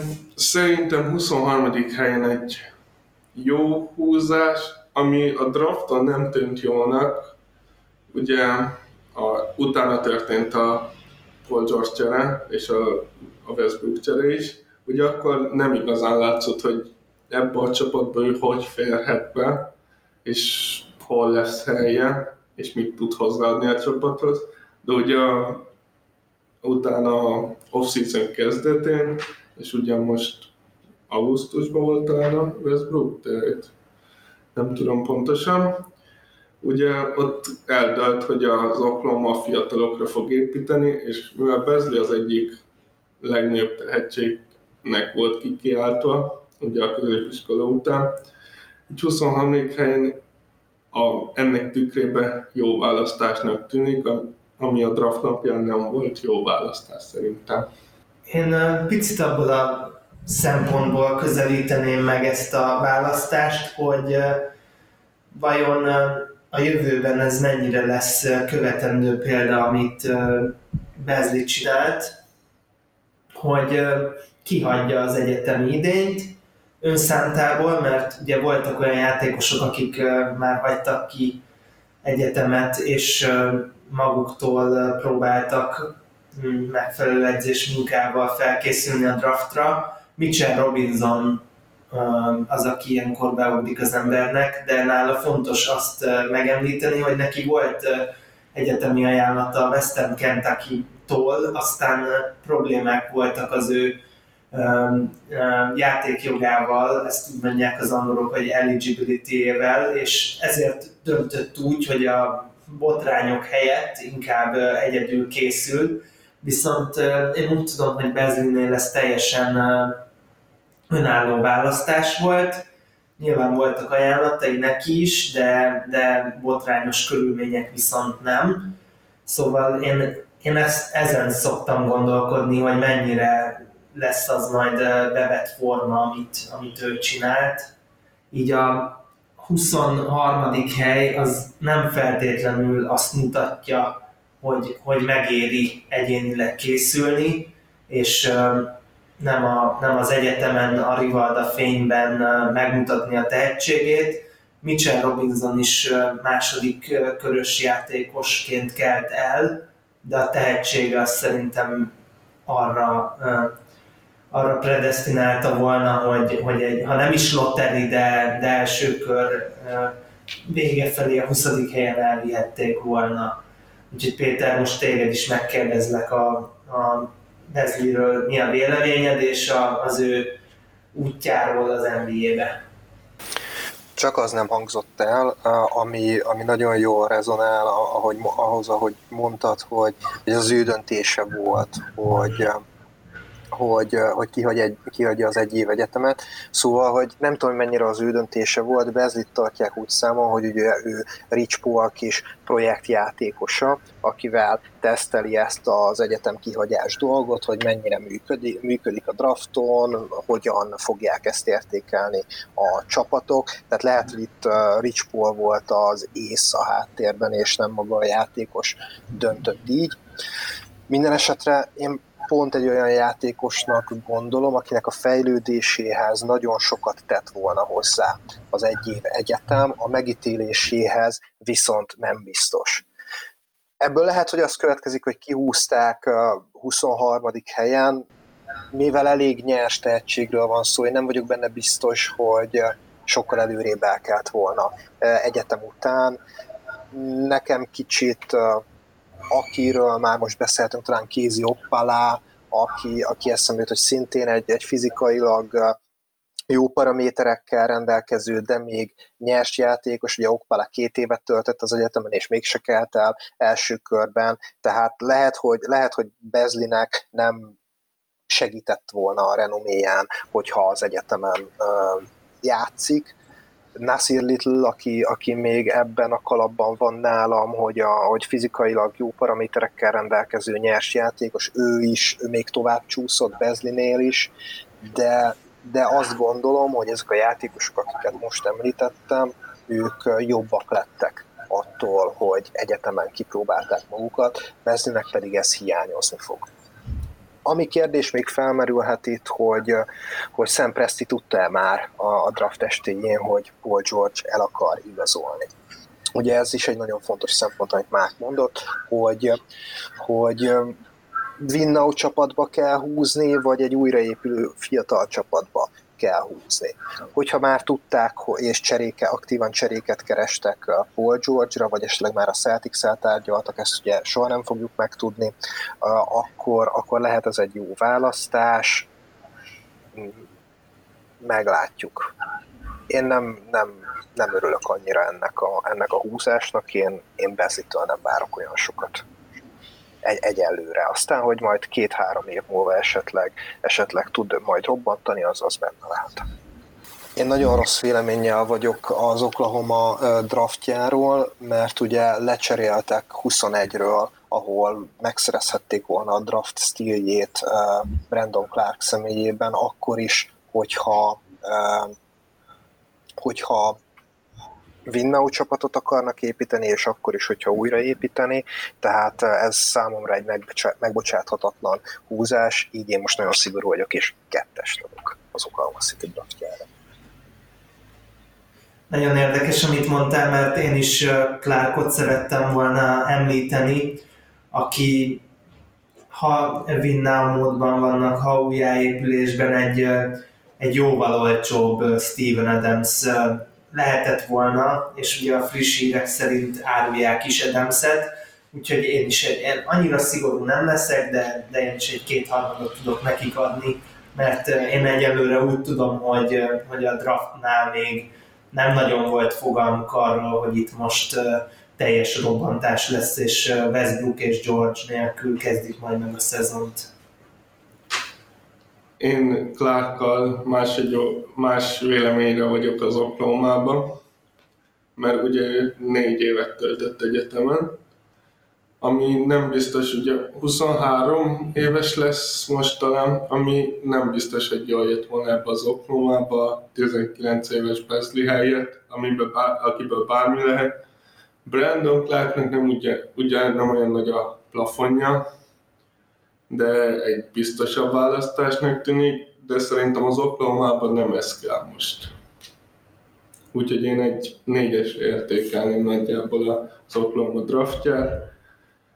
Akár ö, tudták, akár nem.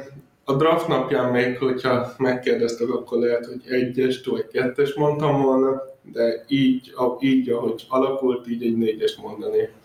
Akkor ezt azt hiszem sikerült nagyjából eltérjen értékelni, ami remélem majd hozzáad a podcast adás értékéhez is. És hát én most magamhoz ragadva a szót, mivel erre vártam már egy jó ideje, most felvezethetem az Orlando Magic draftját, akik a 16.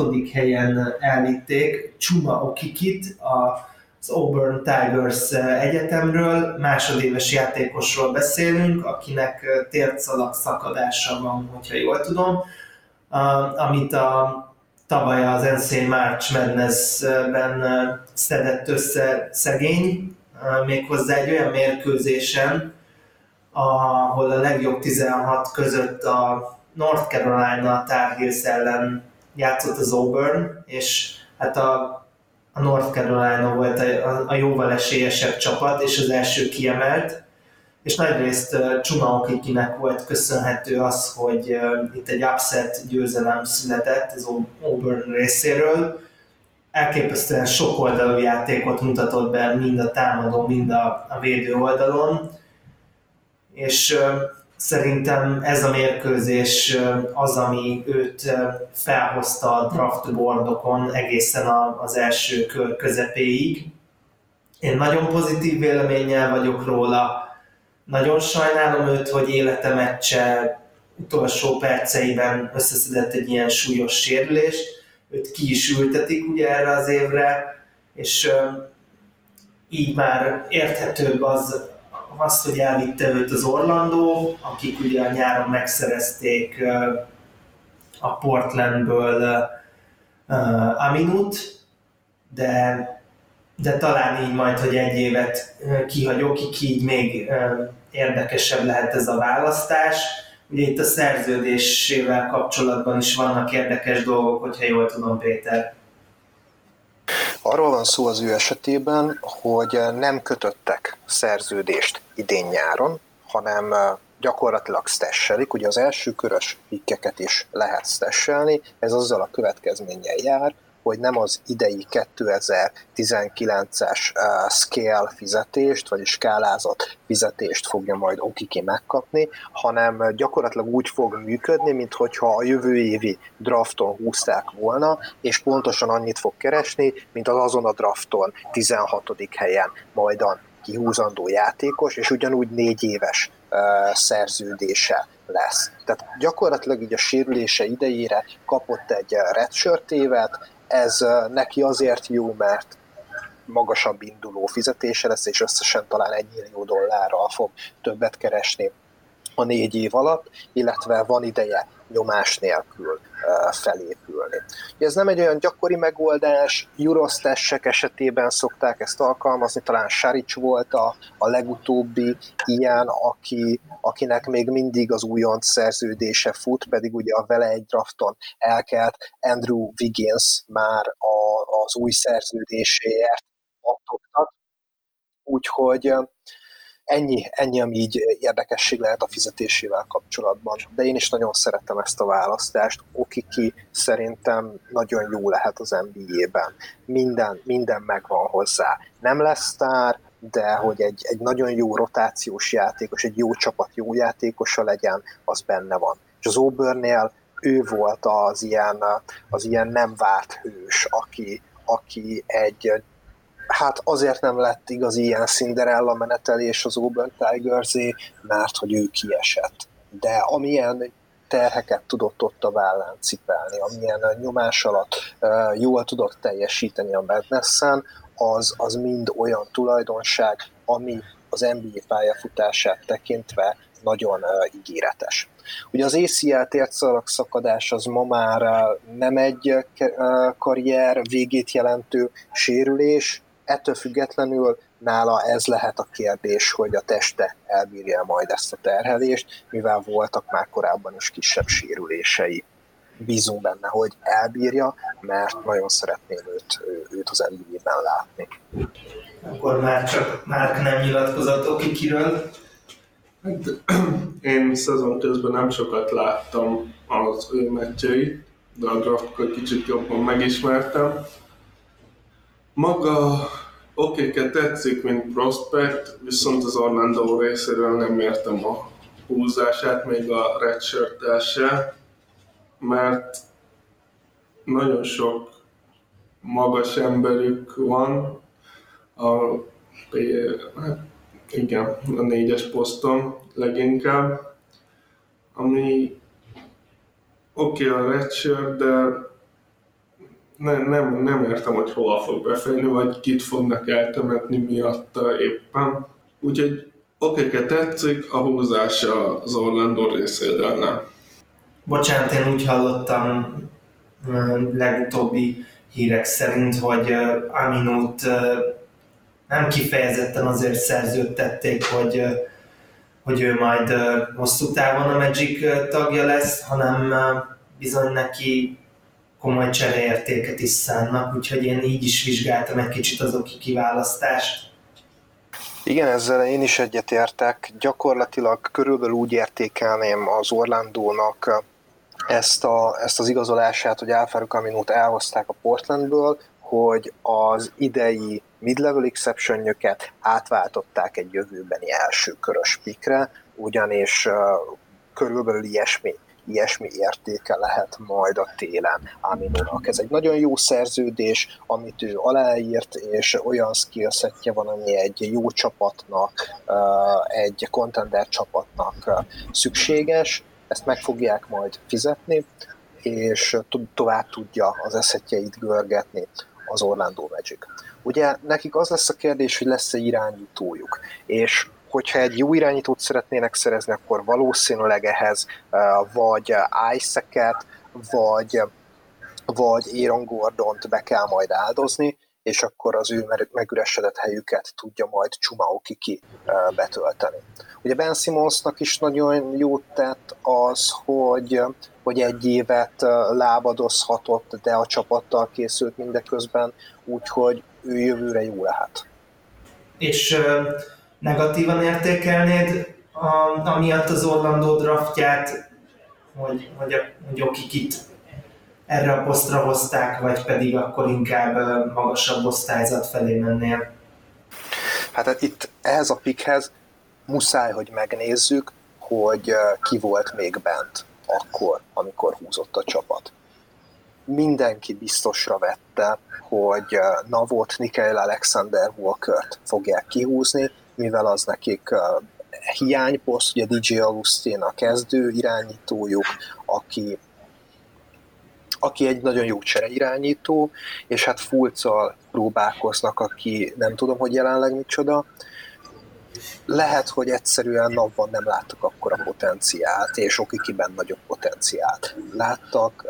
Ez egyébként mutathatja is, hogy, hogy, hogy mit várnak Okikitől. Tehát, hogyha van egy egyértelmű hiányposztod, és mégsem arra húzol, hanem upside-ra mész, akkor, akkor az azt mutatja, hogy Okikiben ők nagyon bíznak. Voltak olyan hírek is, hogyha nincsen ACL szakadása, akkor, akkor ez a madness menetelés, ez nem csak hogy 16-ig, de akár még laterile is röpíthette volna. Okikit ezt is hozzá lehet venni a megítéléséhez. Viszont, viszont NAV után már olyan, olyan prospekt nem igazán volt bent, aki, aki ennek a csapatnak igazán, igazán jó lett volna. Úgyhogy itt, itt, itt tényleg, tényleg ez, a, ez a NAV vagy Okiki választás lehet indikátora annak, hogy, hogy mit is várnak ettől a sráctól Orlandóban.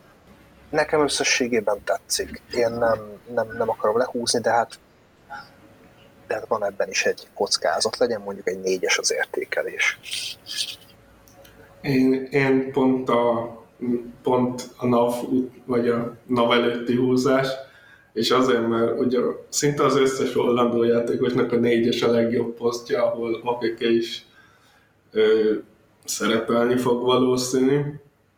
Úgyhogy nekem ez egy nagyon rossz húzás, én a legrosszabb osztályzatot adném már a húzásra, akár Aminut egy jövőbeli elsőkörösre váltják, akár nem. Ott van még Gordon, ott van Isaac, ne, ne, nem tudom, hogy hol, hol, hol fognak neki helyet szorítani, és hogy miért nem egyes gárdot vittek helyette. Hát mert ott van Fulc, és ők bíznak Fulcban, építenek Fulcra, és a törékeny önbizalmát nem akarták azzal e, tovább rombolni, vagy borzolni a kedélyeit, hogy még egy egyes-kettest húznak e, mellé, akivel versenyezhetnek de én se tudok jobb magyarázatot. El tudom fogadni azt, amit már mondasz, annak ellenére, hogy, hogy nagyon másképp értékeljük a, a kettőt, és ehhez hozzátartozik, hogy az én értékelésem is akkor állja meg a helyét, hogyha a, ahogy várom, jövő ilyenkor ebből a három prospektből és Aminuból már csak két PF lesz majd rosteren. Nekem a személyes kedvencem Okiki a draftról, úgyhogy nehezen tudnék rossz osztályzatot adni, bár hogyha választhattam volna, akkor, akkor nem ide, nem a Magichez hoztam volna őt szívem szerint, hanem mondjuk inkább a, a Warriors-ba, ahol szerintem eszméletlen jó helye lett volna. Megmondom őszintén, hogy én el tudom képzelni azt, hogy például Isaac-kel Okiki a 3-as, 4-es poszton eljátszogat, viszont ugye akkor már ötösben mondjuk nem tudom, Gordon lenne, ami már azért nagyon, nagyon érdekes felállás lenne. Hát Bambában én annyira nem, nem bízom egyenlőre, de, de én is azt gondolom, hogy, hogy itt még várhatóak változások, és meg fogják nézni azt, hogy, hogy vagy Isaac-kel, vagy Gordonnal vinnék tovább ezt a csapatot, és, és úgy lehet majd esetleg jövőre, ugye akikinek is legalább egy 20-25 perce.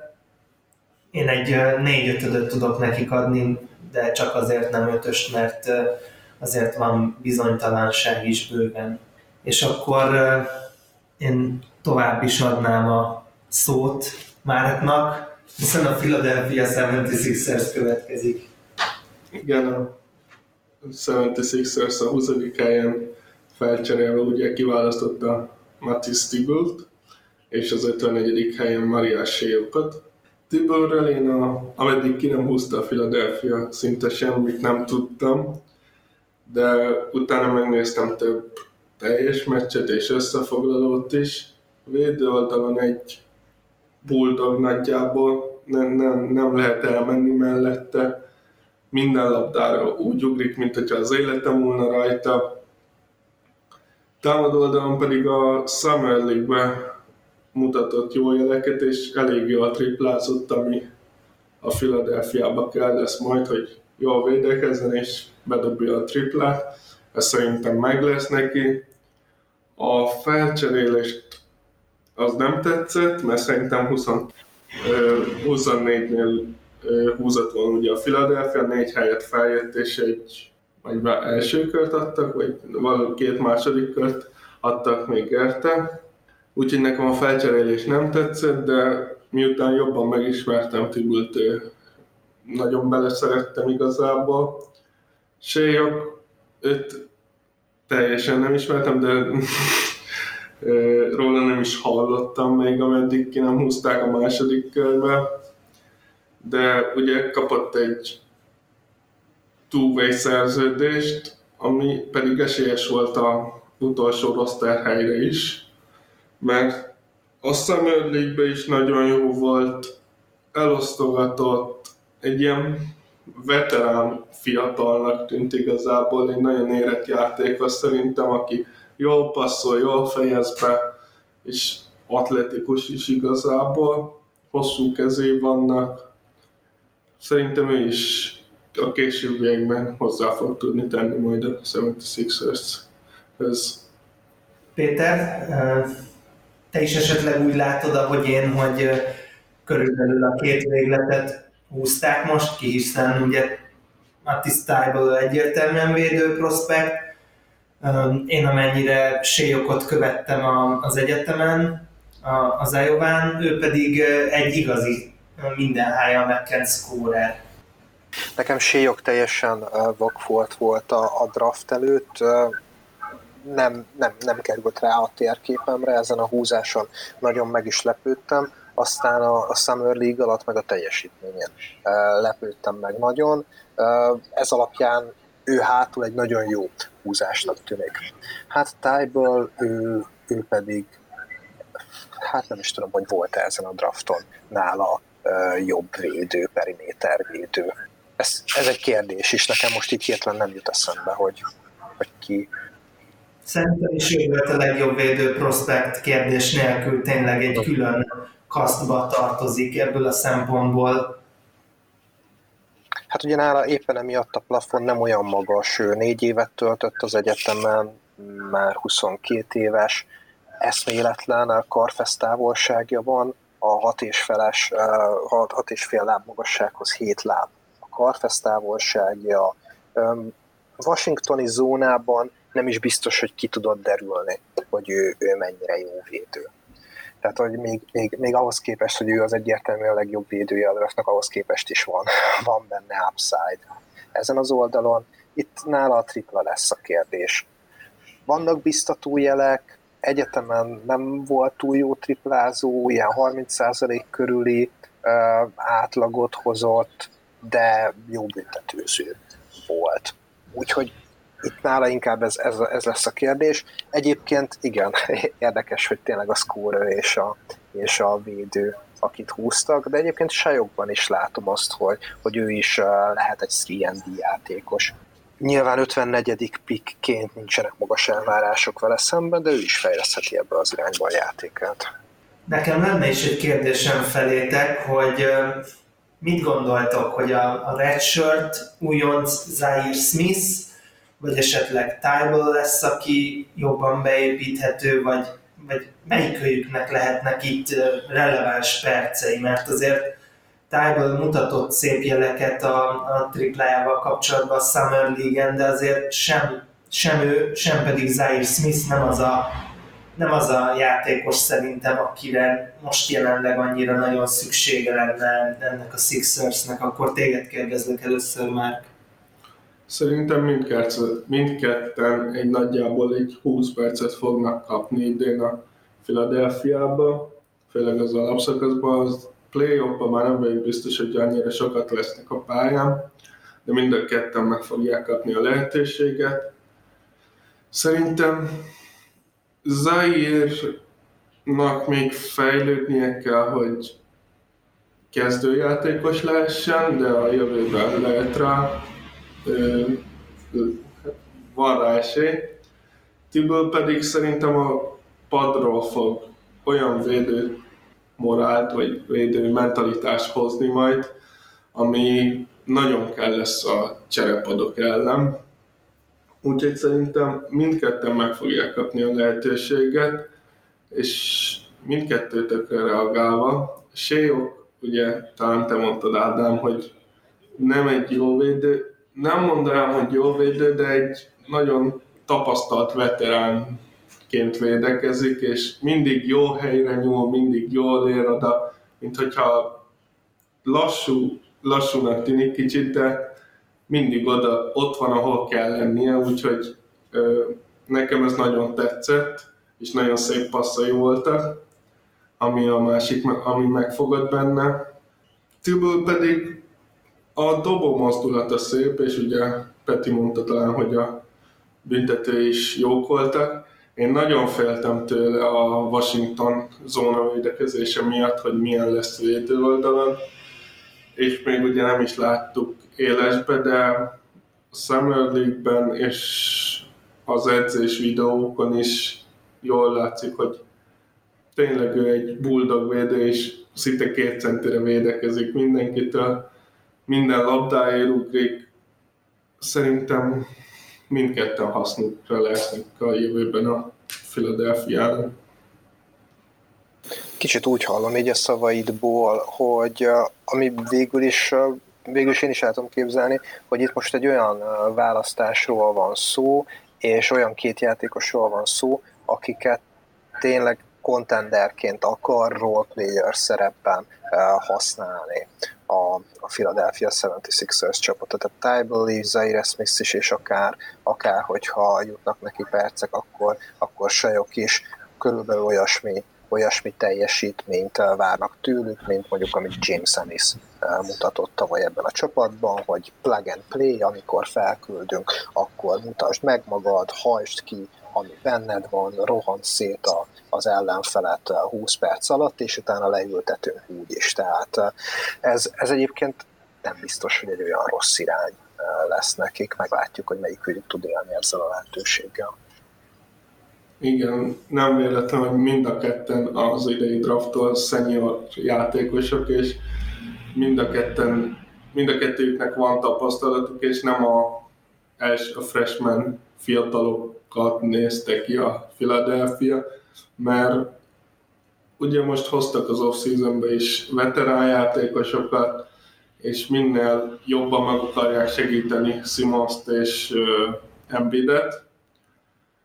Úgyhogy szerintem ebbe Tibül, Shayok és Zaire Smith is segíteni fog. Ugye Zaire még tavaly egy freshmanként jött ki, ha jól emlékszem, a Virginia Tech, Texas Tech, Texas, Texas Tech, igen. Ugye egy nyersebb játékosként jött ki tavaly, és még szerintem mindig egy picit nyers, ő egy kicsit hosszabb távú szerintem, Tibül, aki már most használható lesz akár playoffban is. Érdekes az is, hogy most idén van olyan először, hogy a Philadelphia nem sérült, meg redshirt újoncokat igazol, hanem tényleg azonnal bevethető játékosokat, úgyhogy emiatt nekem nagyon tetszett az idei draftjuk, én, én ide adnék egy ötöst is nekik, mert én, én főleg Tyrellben nagyon bízom, de de én, ahogy néztem a Summer League-ben, ezek a srácok egymással is egész jó chemistry alakítottak már ki, az Zaire Smith, a Tybal és a Shea úgyhogy, úgyhogy tényleg én, én bízom benne, hogy ők már idén is hozzá tudnak tenni. Hát még szegény tájból megsérülhet, mielőtt elkezdődik a szezon, nem mintha ezt kívánnám neki, félre ne értse bárki, de hát olyan balsors követte szegény filadelfiai rukik elmúlt éveit, hogy ez bőven benne van a pakliban. Én ötöst azért nem adnék, mert nagyon megfizették ennek a 20. piknek az árát Filadelfiában, aminek én egyébként örülök Boston szurkolóként, hogy ilyen jó ellenértéket kaptunk, hiszen így tudtuk kihúzni például Carson edwards akit ott vártunk, és várok nagyon sokat. Tehát ez, ez nálam az ötös szintet nem üti meg, a négyest azt el tudom fogadni, ezek jó választások, és hát csak arra az érdekességre szeretném felhívni a figyelmeteket, hogy volt már ilyen, hogy a Philadelphia cserélt a Bostonnal egy pikket, ami picit volt csak lejjebb, és kihúztak egy Washington játékost. Ez legutóbb Markel Fultz volt, úgyhogy nagyon remélem, annak ellenére, hogy Boston szurkoló vagyok, nem szeretnék rosszat a philadelphia hogy nem lesz hasonló kimenetele ennek a cserének se. Úgyhogy én a négyesnél maradnék. Én is négyest adnék igazából, főleg a felcserélem miatt, és Tiből bár tetszik, de még éles meccsen bizonyítania kell nekem, hogy nem csak a zónában volt ilyen jó védő, mert ugye a Summer League és az edzések is olyanok, hogy lehet jó videókat nézni belőle, és lehet ott jónak lenni, de többen megégtek már a ligába, akármilyen jó védőnek látszottak, vagy támadónak éppen. Úgyhogy én vele még várnék egy kicsit. Úgyhogy én egy négyest adnék, és, és, és, és négyest adnék, és szerintem érdemes lesz majd figyelni a tavaly draftolt Shake Miltonra is majd ebbe a Philadelphia-ba. Igen, nagyon jó, hogy Milton mondtad, ő is, ő is érdekes lehet. Még egy dologra szeretném felhívni a figyelmeteket, hogyha Ádám még még akarsz valamit mondani a, Philadelphia-ról, mert picit ez a csapatnál már zárszó is lenne, amit én akarok mondani. Mm, nem, maximum annyit, hogy én, én annól nagyon szerettem a Milton féle választást, és, és a Summer League-ben is nagyon jó kezű játékosnak tűnt, úgyhogy én is csak azt tudom mondani, amit már vagy, hogy rá is talán érdemes lesz odafigyelni. Nekem csak az ugrott be most, hogy tulajdonképpen Zaire Smith és Jared Carver, ők 2017-18-as szezonban töltötték mind a ketten a, a freshman évüket a Texas Tech-en, és ugye volt egy eltérő útválasztás. Zaire Smith, aki akkor tehetségesebbnek tűnt, ő a freshman éve után egyből jelentkezett a draftra, ott el is kelt 16-ként talán, e, és e, most van egy olyan elvárás vele szemben, hogy hát ő egy jó e, Sviandi játékos lesz, egy egy bajnok esélyes csapatban, még Calver, aki a másik utat járta, bemaradt egy évet az egyetemen, ott vált húzó emberré, Madness döntőt játszott a csapatával, most ezen a drafton a ötödik választás, a, bocsánat, a hatodik választással kelt el minnesota és talán, ahogy, ahogy visszaemlékszem, igaz, hogy én voltam nagyon pozitív, de ti is, mintha nagyobb elvárásokat fogalmaztatok volna meg vele szemben, mint, mint Zaire Smith-nél. Ezt jól éreztem?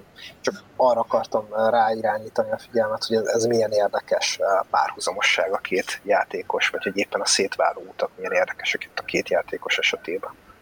Igen, ez, ez abszolút egy jó felvetés. Én nekem nem is csak az út különbözősége miatt, hanem elsősorban azért vannak jóval magasabb elvárásaim Calver felé, mert szerintem ő egy jóval sokoldalúbb, képzettebb játékos, mint Zaire Smith, aki szerintem elsősorban azért jött ki a draftra, ki kellett jönnie, mert szerintem neki az értéke a plafonon volt. Ő úgy került a Texas Tech egyetemre, hogy nem volt a a legjobb száz középiskolai játékos között nyilván tartva. Tehát nyilván ez egy olyan ugrás volt, amit, amit neki ki kellett használnia. Káver szerintem egy jóval, jóval értékesebb játékos lehet, noha a fizikai paraméterei Zaire Smithnek nagyon ott vannak. Én nem vagyok ebben biztos, hogy Calver a jobb játékos, mint Zaire Smith. Szerintem az elvárások azért is vannak jelenleg most ott, ahol, mert Zaire smith egy contender csapatba draftolták, míg Calvert ugye egy ilyen középszerű, de inkább tankolónak mondható, vagy fiatal csapatba draftolták. Én nem vagyok benne biztos, hogy Carvernek lesz a jobb karrierje, mint Zayed Smithnek. A következő csapatunk a Phoenix Suns, aminek a felvezetésére Ádám azért kért meg, mert elmondása szerint elég erősek az idegeim ahhoz, hogy ezt megtegyem, és hát valóban a Phoenix Suns draftját értékelni, nagyon erős idegekre van szükség, hiszen azok után, hogy lecseréltek a hatodik helyről, kihúzták a 11. pikkel Cameron Johnson-t, a 24. helyre becseréltek, hogy kihúzzák Ty Jeromot, és kapott szerződést a draftolatlan Jalen Lecky, aki csapat nélkül készült. Sokan sok mindent mondtak a Phoenix Suns draftjáról, jót viszont nagyon keveset hallottam. Én sem tudnék ehhez ehhez a sorhoz. Hát mondanám, hogy csatlakozni, de, de mivel nincs más, aki jót mondana róla, így, így, így nem, nem, nem állok szemben a tömeg véleménnyel, szerintem ez borzasztó draft volt, amit a, a Phoenixben csináltak. Hiába uh, lehet azt mondani, hogy Cameron Johnson a North Carolina-ról egy uh, Winnau játékos, hogyha hogyha telített a posztja. Nem biztos, hogy játszani fog. Johnson gyakorlatilag csak a shootingjából él meg, illetve a védekezésében lehet fantázia, tehát semmi több nincs benne, mint egy öreg 3 játékos, és 11. pikkel ez nagyon buta húzásnak tűnik. Ty Jeromért becseréltek egy olyan poszton, irányító poszton, ahol egyébként telítve vannak, én Ty sem tartom magasabb side játékosnak, legfeljebb egy jó csere irányító lehet belőle, de hát vannak vagy öten erre a csere irányító szerepre uh, Phoenixben, és Jalen Lecky is ide kapcsolódik, akárhányszor nézem, mindig, mindig problémás, mindig problémás ez a, ez a teljes draft. Viszont mivel Ádám még sosem kezdte ebben az adásban a beharangozót, én neki adnám át a szót. Köszönöm, hogy pont most mert mondani akartam, hogy jót vagy semmit, és akkor én most hallgatni fogok, de, de hát érdemes tényleg megvizsgálni ezt a, ezt a draftot, hogy hatodik pikje volt a Phoenixnek, jól emlékszem, és, és azt sikerült lecserélni a 11-re a Minnesota-val, és nekem egyébként személy szerint Cameron Johnsonnal nem is lenne problémám, hogyha mondjuk az első kör vége felé elvitte volna valaki, mert azt már több helyen mondtam, hogy szerintem a Hero-val együtt a, a klassznak a legjobb shootere, sőt talán még jobb is, mint Hero. Nagyon gyors mozdulat, eszméletlen range, viszont az is igaz, hogy ő már 43 éves lesz lassan. 43. Nagyon túl 23 Tehát ilyet ilyet nem csinálunk, hogyha kultúrát GM-ek vagyunk, hogy egy, egy újjáépülő csapatba hozunk egy ilyen újoncot, ilyen körülmények között. Ráadásul, ugye, mint te is mondtad, hogy mi a céljuk Ty Jerome-mal, az is egy jó kérdés. Jerome-ot én sokat néztem az egyetemen, mivel ugye a Virginia mindig egy nagyon jó csapat volt, és ugye igen a csúcsra is felértek Szerintem ő egy nagyon jó játékos lehetett volna mondjuk a 60-as, 70-es években, ahová sebessége illik. Félre, félreértés ne essék, nagyon okos játékos, nagyon jól tudja a begyakorolt figurákat, tökéletesen hajt végre mindent, amit az edzője kér, de, de már az egyetemen is lassúnak tűnt, akkor mi lesz vele a profik között? Tehát itt is inkább egy, egy kérdőjel van, Phoenix felé, én, én nem tudom, hogy mi lesz ebből, de, de egyelőre nem szeretnék káromkodni, úgyhogy inkább már tovább passzolom a lehetőséget. Én Cam Johnson-t és Ty is nagyon kedveltem a draftkor, és most is kedvelem őket, de ők nem ebbe a Phoenixbe illettek volna, hanem inkább egy contender csapatba, mert Cameron Johnson például Philipbe őt vártam legjobban. Ugye 50% felett triplázott, ha jól emlékszem egyetemen, de ugye a Sunsnál idősebb, mint Devin Booker, ha jól emlékszem. Így nem értem, hogy miért, vagy hogy akarja a Suns ezt így felépíteni, mert ugye eladták Verent a 32. pikkel, ha jól emlékszem, Indiánába, és kihúzták Cam, Cam Johnson-t a 11. picken, amit senki nem értett a draftkor, de szerintem még most értik. Mert ugye tud triplázni, de védő oldalon hát elég gyengécske, bár a teste talán meg lenne hozzá, hogy legalább okés védő legyen, de ebben a szanszban nem értem, hogy hova, miért, és Miká mellé miért, minek kellett ő igazából. Jerome pedig ugye ott van Okobó tavaly, igen, Jerome-nak nem tudom, hogy hol lesz helye, amikor tavaly ugye draftolták el Okobót és DeAndre Meltont is, és ugye most odahozták Rubiot, és ugye elkezdték Bookert is irányítóba használni nagyjából. Ugye Melton elcserélték idén Jamon Carterre, aki ugyanúgy kárt, ha jól emlékszem, és ugyanúgy ugyanarra a posztra jön, mint Jerome. Talán ő SGP is használható, egy jó védő. De hogy Jerome 24. piken minek jöttek fel, amikor nincsen helye a csapatba, és szerintem a Max az nagyjából egy jó csere irányító lehet. Szeret, szeretem Johnson-t és Zserumot is, legkülönbözően nem tudok semmit, de szerintem azzal ti is így vagytok. Úgyhogy bár a játékosokat szeretem, én nem, nem, nem tudom jól értékelni ezt a draftot a Sunsnak. Így ugye értékelésként már most én elkezdeném, én egy egyest adnék erre a draftra.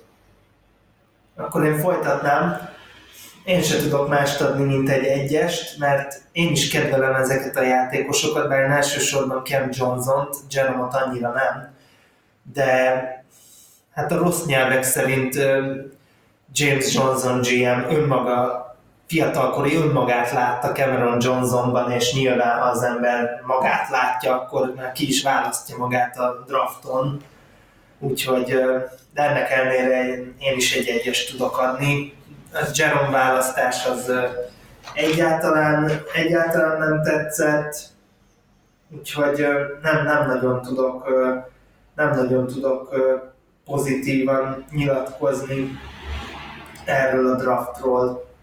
Lekiről akkor egy pár szót. Ő egyedül készült, tehát ilyen, ilyen akadémiai, mint ahogy akadémiai készülés, mint ahogy volt Mitchell Robinsonnál, volt Bezlinél. Róla annyit tudok, hogy ő egy nagyon jó atléta, kiugrik a stadionból, a a, a kombájnon is jól teljesített, viszont a játék intelligenciája az nagyon-nagyon kérdéses. És az irányító poszton problémás lehet, különösen, hogyha mondjuk van még a csapatban kettes poszton egy, különösen, hogyha van még mellette kettes poszton egy Devin Booker, az, az sehogy sem fog működni. És amit még nem mondtunk el, hogy Cameron Johnsonnál egy korlap is van a háttérben. Tehát, hogy ő sér, kifejezetten sérülékeny játékosnak számított az egyetemen, és nem dobta 50%-kal a triplát, csak ilyen 45 körül, de valószínűleg ez lesz az egyetlen igazi fegyvere ebben a a csapatban és ebben a ligában. És hát ugye még azt se tudjuk mondani, hogy feltolják négyesbe és eldobálja a tripláit, mert közben meg Saricsot kapták ellenértékben, akinek szintén játékperceket kell találni. A Sunsnál muszáj, hogy egyest adjunk, És ugye az is hozzátartozik, hogy azt a pikket, amit odaadtak az Indiánának, azt utána három future secondért vette meg a Miami. Tehát annyi, annyival többet, annyi minden mást kihozhattak volna ebből a draftból. Cameron Johnson ki lehetett volna húzni 20. helyen. Ehhez képest a 11 az írtózatos, írtózatosan nagy reach.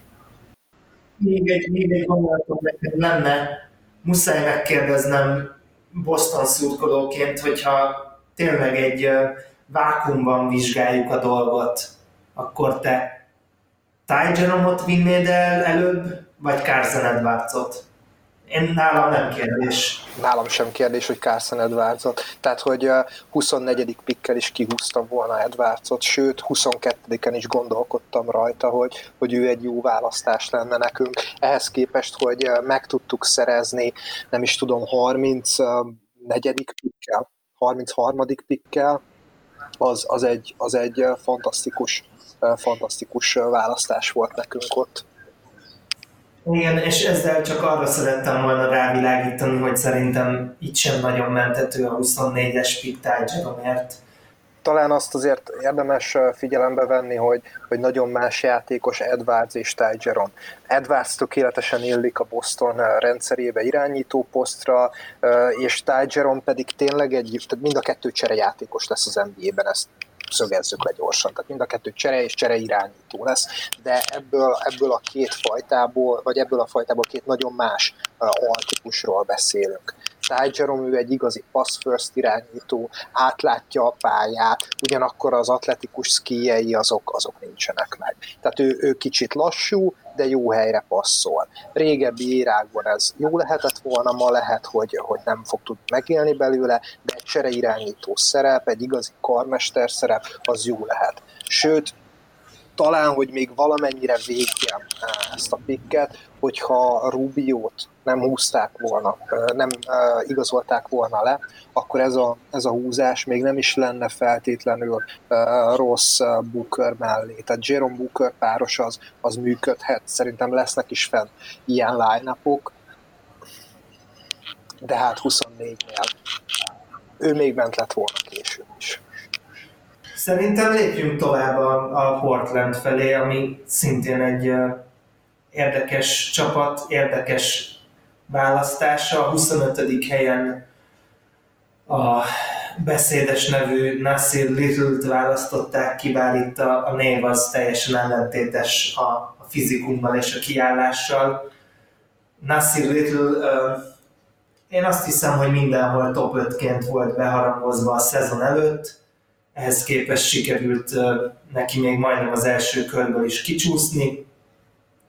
Egy rendkívül nyers freshman játékosról van szó, akinek a helyét egyetemi szinten sem sikerült megtalálni, még egy olyan legendás edzőnek sem, mint Roy Williams. Kicsit nekem az az érzésem volt, mint amikor biztos mindenkinek volt olyan, hogy középiskolán akkor tesi órán kosarazzunk, és volt egy vízilabdás vagy kézilabdás, akinek elképesztő volt a fizikuma, viszont a kosárlabdához nem sok köze volt, na, hát nekem így nézett ki Nasir Little a pályán. Nem tudom, hogy, hogy mennyire képes ő majd intelligenci, kosárlabda intelligenciát összeszedni. Szerintem, hogyha a Portland továbbra is magas célokért küzd, akkor, akkor őt nagyon nem láthatjuk idén. Szerint én nagyon sajnálom, hogy Portlandből elment Harkless is, és elment Amino is, de Little nem hiszem, hogy nagy megoldás lesz számukra, de egy próbát megért itt az első kör végén. Péter, hogy látod a Little választást? Szerintem 25. pikken Nasir Little egy, egy elég jó választás. Itt már érdemes volt vele próbálkozni, valóban még a tavasz folyamán is nagyon sok helyen, nagyon magasan volt Lidl-nek az ázsiója, de hát erre szerintem sem szolgált rá az egyetemi évei alatt. 25. helyen egy jó választás, és egy nyers prospektként kezel, kell kezelni, és így, így igen, tehát hogy kifejezetten a Portlandben van egy elég jó kultúra, ott a fiatalokat türelmesen építik be, elég, hogyha csak Zach Collins példájára gondolunk, akiben nagyon bíztak, és mégsem dobták be egyből a mély vízbe, hanem szépen felépítették. Littlenek erre van szüksége. Ő szerintem jó helyre került, és, és ezzel a választással a nyomás is megfelelő szinten lesz rajta, mert lottery pickként ő egyértelmű bust esélyes lenne. De így, így az élet megadta neki azt a lehetőséget, hogy, hogy bizonyítson. Hát én Little nem tudok sokat beszélni, mert láttam több Carolina meccset, de ugye nem, nem, nem kapott olyan sok percet ott se, inkább egy ilyen cserejátékos volt a Caroline-án is. Kicsivel jobb lett talán a Portland ezzel a választással, és emellett komoly perceket szánnak neki hármas, négyes poszton, talán még kettesbe is, ahogy tudom. Én ezt azért kétlem. Tehát nem hiszem, hogy ő, ő most ebben a szezonban meghatározó rotációs játékos lenne Portlandben. Lehet, hogy később arra számítanak, hogy átveszi majd Amino helyét, vagy Harkless helyét, mert hogy ilyen típusú játékos eh, lehet benne a fizikuma alapján legfeljebb de idén ez még nem, ez még nem fog látszani. Nincs rá készen. Én úgy tudom, hogy a Portland GM-ja és edzője is úgy gondolja, hogy komoly, hát egy ilyen 20 perceket kaphat majd a szezon második felében, inkább az elsőben még ugye nem tudják, hogy milyen lesz, de komoly szerepet szállnak neki a rotációban, úgy tudom. Ja, hát persze ez a wishful thinking, de tavasszal, hogyha jó lesz a Portland, és elő lesznek nyugaton, akkor azért nem fog játszani, hogyha rossz lesz a Portland, akkor meg lehet, hogy kap szerepet, de meglátjuk, ha ez így van, ahogy te mondod, akkor visszavonok mindent, hogy jó helyre került, mert Little-nek nem erre van szüksége karrierje ezen szakaszában. Én is azt gondolom, hogy, hogy most neki ez óriási segítség, hogy nincs az a nyomás rajta, mint ami az egyetemen volt, hogy már pedig tőle rendkívül sokat várnak. Úgyhogy ebből kifolyólag lecsúszott ő a Portlandhez, és én itt egy jó választásnak tartom, úgyhogy, úgyhogy egy, egy négyes megérdemel a, a Portland. Főleg akkor, hogyha esetleg két-három év múlva ő, ő megfelelően fog tudni illeszkedni ebbe a csapatba. Elmondtál mindent, én is négyes szeretnék adni erre a választásra. Én egy hármast adnék erre a választásra. De csak azért, mert gyúkszurkoló vagy. nem. Hanem mert nekem nem tetszik Little, mint uh, prospect igazából. Úgyhogy szerintem még hátra is csúszhatott volna, ha a Portland nem fogja meg itt de Jerome-nál, akiről az előbb beszéltünk, ugye utána kerte, még annál jobb választásnak tartom, ezért kapnak egy hármast, mert lehet Lisliből jó játékos, de én úgy gondolom, hogy ő négy év múlva már nem lesz a ligában. Na ezért is fontos a podcastet meghallgatni, mert kiderül, hogy az már érdem, hogyha valaki jobban választ, mint a Phoenix Suns. Náluk nehéz. Péter, hogyha már itt az, idegeidet emlegettem a múltkor is, akkor a Sacramento Kings az szintén egy olyan csapat, ami rád vár most. Jó, hát a Sacramento Kingsnek nagy mozgástere nem volt ezen a drafton, gyakorlatilag a top 40-ben volt egy pikjük, aki Justin James, a Wyoming Egyetem végzős hallgatója a Mountain West, nagy nevű Mountain West konferenciából, és hát utána még az 55. pikkel kihúzták Kyle Guy-t, aki túvé szerződést kapott, ő a Virginiának a shootere, és a 60. pikkel Vanya Marinkovicsot, aki marad a Partizánnál a következő szezonra is, tehát ez tesselve lesz. Én erről a két srácról olyan sokat nem szeretnék beszélni, ők kiegészítők lesznek a, a pad végén megítélésem szerint. Szerintem Kyle Guy a szegény ember Buddy ugye lehet a, a Kings G-ligás csapatában. Egyébként tényleg ilyen eszméletlen profi amatőr játékost én már rég nem láttam. Biztos figyeltétek ti is azt, hogy a, a Final Four-ban gyakorlatilag rajta múlott, hogy a, a Virginia bejuthatott a döntőbe, mivel pár másodperccel a, a vége előtt két pontos hátránynál őt faltolták tripladobás közben, és nem tudom, szerintem kevés profi játékos van, aki ilyen szintű higgadságban mind a három büntetőt értékesíti, de nem gondolnám, hogy így bármelyik választott labdába rúghat az amúgy itt elített Kings rosteren. Én Guy-t kedvelem, úgyhogy nekem az a pick tetszik. Én hát nem tudom, hogy a kings lesz a jövője, de mint játékos szerintem lesz jövője az NBA-ben. A másik két ember nem nagyon ismerem, és róluk nem is szeretnék beszélni, de hogy megkezdjem az értékelőt, nekem a Kingsnél ez egy kettes draft nagyjából, amit Guy ment meg. Hát, nehéz, nehéz nyilatkozni, mert én úgy érzem, vagy úgy látom az irányból, hogy, hogy veteránabb, tapasztaltabb újoncokat választottak. Lehet, hogy ez a, a, annak szól, hogy most már azért tényleg szeretnének play kerülni, de hiába tapasztaltak az újoncok, mert játékpercük meg nem lesz, úgyhogy én inkább prospekteket vittem volna a helyükben, én ezért adok nekik kettest.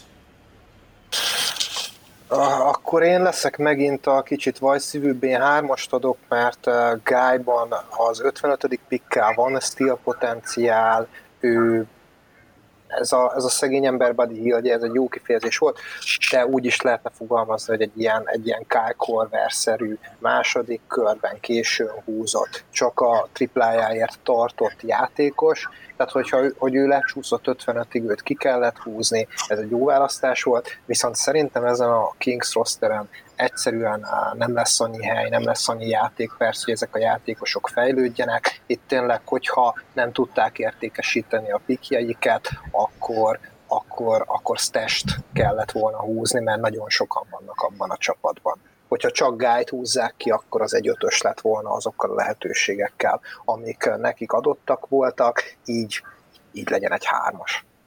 Következő csapatunk a San Antonio Spurs, ahol 29-es választással Keldon Johnson-t vitték el a Kentucky Egyetemről, ő egy freshman small forward játékos, vagy 49. választásként Quindary Wetherspoon vitték el, a Mississippi State-ről ő two szerződést kapott, és a Spurs nem tudja meghazudtolni önmagát, mert a legmagasabb választásukkal a 19. helyről Luka Samanicsot választották az olimpiá Ljubljanából, Szlovéniából.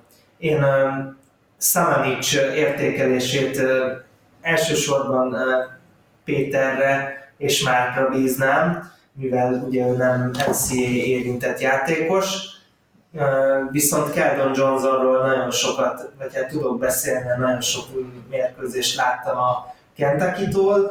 Ő volt a, a legmagasabban, legmagasabb ázsiójú Kentucky játékos, amikor elkezdődött a szezon, aztán szépen, ahogy teltek, múltak a mérkőzések, Tyler Hero is nagyobb szerepet kapott, és PJ Washington is nagyobb szerepet kapott, és kiderült, hogy ők ilyen jobb játékosok Keldon Johnsonnál, akiről az derült ki, hogy elit skilljei nincsenek, viszont nagy akarattal rendelkezik, és nagyon tud kaparni támadó és védő oldalon is, de egyenlőre én az akaratot és a potenciált látom nála vezető lehetőségként, és lehet, hogy a, a Spurs laborban belőle fogják összerakni majd a Bruce Bowen 2.0-át. Nem tudom, hogy erről mi a véleményetek már. Én Galdon Johnson nagyon szerettem a kentucky Szerintem ő 29-ig pikkenik, still lesz a draftom, hogyha mondjuk két év múlva megnézzük. Hát nem tudom, hogy milyen szerepet szánnak neki idén, de, de Rosen nem fog neki jót tenni, az biztos. Úgyhogy remélem minden hamarabb megszabadulnak de Rosentől. Szamanicsot őt én se annyira ismerem. Néztegettem a draft profilját, videókat róla. Tetszett a játéka, tetszett amit láttam, szerintem ő egy használható játékos lesz. Nem vagyok benne biztos, hogy már az első évében, de még talán a másodikban sem, de a harmadik, negyedik évében már jó lehet.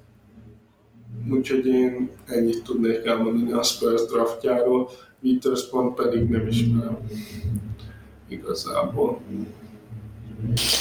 Hát vakarjuk a fejünket mind a hárman, mert azért Keldon Johnson-t még láttuk játszani a Kentucky-ban, de engem sem győzött meg arról, hogy miben lesz ő egy NBA csapat hasznára. Jobban el tudtam volna képzelni, hogyha ő marad még egy évet, és akkor van ideje fejlődni. Tehát elképzelhető, hogy neki is egyszerűen most volt a legmagasabban az értéke, és most volt értelme jelentkeznie a draftra a Spurs 29. helyen szerintem jól tette, hogy kihúzta, mert itt már bőven lehet kockázatot vállalni, annyira van jó prospekt, hogy, hogy, hogy még sok mindent lássunk bele, de hát ez elsősorban a korának szól, annak, hogy egy évet töltött az egyetemen, és még most körül tölti be a, a 20. életévét, Hát Szamanicsot én sem láttam sokat játszani, róla Zukály Zoltán szokott nagyon sokat és nagyon lelkesen beszélni, hogy fiatalabb korában az egyik legjobb, legkiemelkedőbb európai prospektek tartották, csak aztán megakadt a fejlődése. Most, hogy a Spursben újabb európai gyöngyszemet uh, találtak-e, akiből ki tudnak hozni egy új játékost, azt nem tudom itt szerintem, szerintem sorjázó kérdőjelek vannak mindenki, mindenki feje körül, hogy, hogy mi lesz ezekből a srácokból. Hát ez a, ez a kincstári hármas. A se előre nem tudok mozdulni, se hátulra. Ez a tökéletesen közepes draft. Tehát, hogyha elhisszük, elhisszük a Spursnek, hogy, hogy aranyat tudnak találni bármelyik pikkel, akkor, akkor lehetnek jók ezek a srácok, de én nem, nincsenek túl nagy várakozásaim. Maradjunk a, a közepesnél. Én is hármas tudnék adni, és egyébként nagyon kíváncsi leszek arra, hogy Lonnie Walker vagy Keldon Johnson fog majd jobb karriert befutni, és hogy melyikük fog jobban beépülni a Spurs rotációjába. Én, én egy ötös értékelést adnék erre a draftra mert én Szamonicsba is, és Johnsonba is nagyon sokat látok, és nagyon szeretem őket. A Spurs, az, hogy a Spurs húzta ki őket, ez még jobbá teszi a húzást, szerintem. Úgyhogy én, ez szerintem egy jó draft volt a Spursnek, akiknek végre talán el kellene kezdeni újra a fiatalokra építeni a csapatot.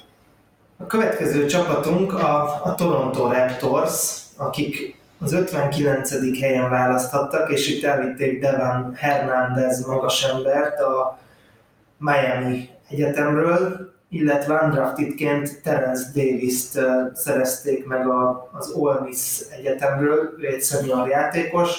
Nekem nem könnyen értékelhető a, a Toronto Raptorsnak a, a draftja, de hogyha azt nézzük, hogy ők már választottak ki senior gárdot a undraftedként, tehát Van Vlietet már választották ki undraftedként, idősebb játékosként, és aztán szépen felfuttatták a, a G-ligában, szóval én a Raptors helyében abban bízom, hogy, hogy tényleg ők jól találják meg ezeket a, az idősebb játékosokat, akikben van van alázat a játék iránt, és utána esetleg be tudják őket építeni, én már értékelném is őket. Ez mm, nálam nehezen értékelt, úgyhogy se a közepesnél feljebb, se lejjebb nem nagyon tudok menni, úgyhogy ilyen egy hármast adok erre. 59. helyen húzhatott a Toronto, itt kihúztak egy magas embert, akit én egyáltalán nem láttam játszani, de az 59. piknél már ez előfordul, és bíztak, bíznak benne, jókat olvastam, hogy majd vele foglalkoznak, építgetik, úgyhogy 59. piket nagyon nehéz megítélni. Ennyire a második kör végén már akkora poolból válogatnak a csapatok, itt már egyértelmű jelöltek nem szoktak lenni. Ezt, ezt, ez nem egy rossz választás. Terence Davis viszont, hogy meg tudták szerezni undraftedként, ezt én kifejezetten sokra értékelem. Ugye az Olemisben ő nem dobta túl jól a triplát, de a védekezése viszont nagyon jó volt, tehát hogy egyelőre a Sri még nincs meg a, a D mellett, viszont ami inkább biztató vele kapcsolatban, hogy ő egy, egy igazi vezére volt ennek a csapatnak, öltözőben és pályán is, és bár nem, nem a legjobb játékos, de hogy a, hogy a vezető, a, a glue aki, aki összefogta a többieket, az, hogy egy ilyen játékost meg tudtak szerezni draftolatlanul, az mindenképpen egy komoly fegyvertény. Én, én annyit tudok elmondani ezekről a draftokról, draftoltakról, amit Raptors csoportból olvastam, és nekik nagyon tetszik, főleg Davis. Hernandezről nem sokat írtak ők se, de Davisben látják ők is sokan az új Fred Van Fleet-et, Úgyhogy igazából nem lehetett elvárni semmit ettől a Toronto drafton, mivel 59. helyen húztak először, így a nullánál kicsivel többet hoztak, így egy hármas, hármasra tudom értékelni, mert nem, nem, ezt nem tudták elrontani se, se igazán nagyot húzni, ha minden igaz. Úgyhogy maradjunk a közepesnél. Én megnéztem közben, az utolsó szezonjában Terence Davis 37,1%-kal triplázott, ami, ami jobb, mint amire én emlékeztem. Az el, a korábbi éveiben nem volt ennyire jó triplázó, de lehetséges, hogy, hogy neki kellett a négy év egyetem ahhoz, hogy beérjen. Az a helyzet, hogy én láttam olyan mock draftot, ahol első körben uh, is uh, egy jó választásnak tűnt Terence Davis, a Ringernél a 27. helyen volt, ezt most csekkoltam közben, de máshol is volt magasan, vagy legalábbis második kör elején, úgyhogy ezek alapján szerintem nagyon komoly stílpotenciál van benne. A nyári ligában is jó volt, a Raptors fanok tényleg áradoznak róla, hogy az edzőtáborban is milyen hírek vannak, de hát hogy azt sejthettük, hogy a mentalitásával azzal neki egyáltalán nem lesz gond. Úgyhogy én nem vagyok ennyire szigorú. Ezekből a lehetőségekből kihozni Terence Davis-t az egy kérdés nélküli ötös nálam. Úgy látszik, hogy ma Péter, te vagy a pozitív hang hármunk közül. A Utah Jazzről is tudsz ilyen pozitívan nyilatkozni, mert a Utah a következő csapatunk. Először értékeld a, a Toronto húzását. Mm, hát próbáltam megúszni. Én egy, én, hát én is egy, én egy háromnegyedet mondanék, mert én is el tudom képzelni, hogy Terence Davis jó lesz. És mint ahogy van Fleetben bíztam, mm, itt is lehet bízni benne, hogy, hogy egy jó egyetemi játékosból jó profit is csinálnak. Na hát átevezve a Utah Jazz csapatára, ezekről, ezekről, erről a két csapatról nekem borzasztó nehéz volt felkészülni, és nem húztak, illetve a Utah 50. helyen húzott, de nem voltak korábbi pikjeik, itt azért javarészt olyan játékosok kellnek már el a drafton, akik négy év egyetem után, tehát éppen láthattuk őket játszani, de főleg kiegészítő szerepben a csapatokban, vagy egyszerűen nem úgy néztük őket, mert nem tudom, ti hogy vagytok vele, de amikor én NCAA meccseket nézek, akkor főleg a, az NBA prospektekre fókuszálok. Tehát, hogy mit mutat, mit várhatunk tőle, és hát persze ott van még néhány név mellettük a, a rosteren, meg a, a pályán is ott vannak, de hogy egyszerűen nem az ő játékukat figyelem. Na hát ezekről az emberekről kellene most beszélni. Uh, Jarrell Brantleyről, aki a Charleston Egyetem végzőseként kapott UV szerződést az 50. pick után a Utah csapatában, Justin Wright Foreman az 53. pikkel húzták ki, ő is túvé szerződést kapott, ő a Hostrára járt, és az 58. pikkel az Ivy League-ből, a Yale Egyetemről hozták el Migye Onit, aki érdekes, hogy ő az utolsó pick, de ő kapott eddig egyedül eh, rendes újon szerződést. A Utah Jazz elég jó abban, hogy eh, ezek közül a névtelennek tűnő játékosok közül kukázzon ki olyanokat, akikből akikből rotációtag is lehet. Talán Royce a példája itt uh, eléggé, eléggé ide kívánkozik. Ez, ebből a csapatból szerintem talán Wright Foreman lehet az, aki, aki idén játék lehetőséget is kap, mivel irányító poszton a, a Utah csapata Mike Conley mögött nem, nem, nem, túl, nem túl telített. Ugye exámra nem lehet építeni, ő könnyen lehet, hogy most is többet lesz sérült, mint amennyit nem, úgyhogy irányító poszton, csereirányító szerepe neki lehet, a többieknek egyenlőre még nem látom a, a perceit. Mieoniról jókat olvastam, hogy őt szeretik Jutában, talán a, talán a, a, a Summer League-ben sem volt rossz, az biztos, hogy játszott. Brantleyről, Brantleyről egyenlőre nem tudok nyilatkozni, viszont eleve a magas posztok azok, amik telítettek ebben a, a nagyon erős kezdővel, de elég, elég üres kispaddal rendelkező jut a csapatában, úgyhogy én tőle most nem sokat várok még ebben a szezonban. Kicsit nekem az az érzésem van a Utah választásaival kapcsolatban, mint hogyha a jazznek lett volna egy olyan scoutja, akinek nagyon adnak a szavára, és ő elment volna a Colonial Athletic Association-nek a tornájára, ahonnan ugye kiválasztották, ebbe a konferenciába játszik a Charleston és a Hofstra Egyetem is, és hogy akkor ott azt mondták volna neki, hogy hát itt választunk az 50-től fölfelé háromszor is, hogy akkor mondjál nekünk pár játékost, és akkor ez alapján kiválasztották például Brantley-t, bár Justin Wright formant én sokat láttam játszani, neki az alapvető skillje az, hogy ő egy, egy, pontgyáros, ezt bebizonyította azzal is, hogy a pontátlaga is az összes egyetemet nézve nagyon elő volt,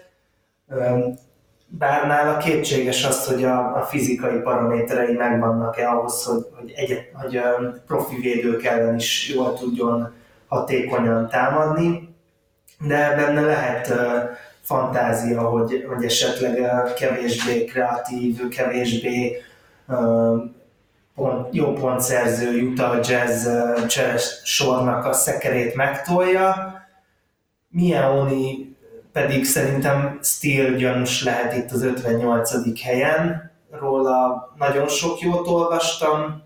Érdekes lesz, hogy, hogy a, a jazzben mire lesz majd képes, és én értékelném is. Én egy, ezekkel a választásokkal szerintem a jazz inkább jót húzott, mint rosszat az 50. helyen én nem vittem volna még el Brantley-t, de, de az 53 és az 58. választás is kifejezetten tetszik, úgyhogy én egy négyest adnék, és átadnám a szót Márknak egyúttal.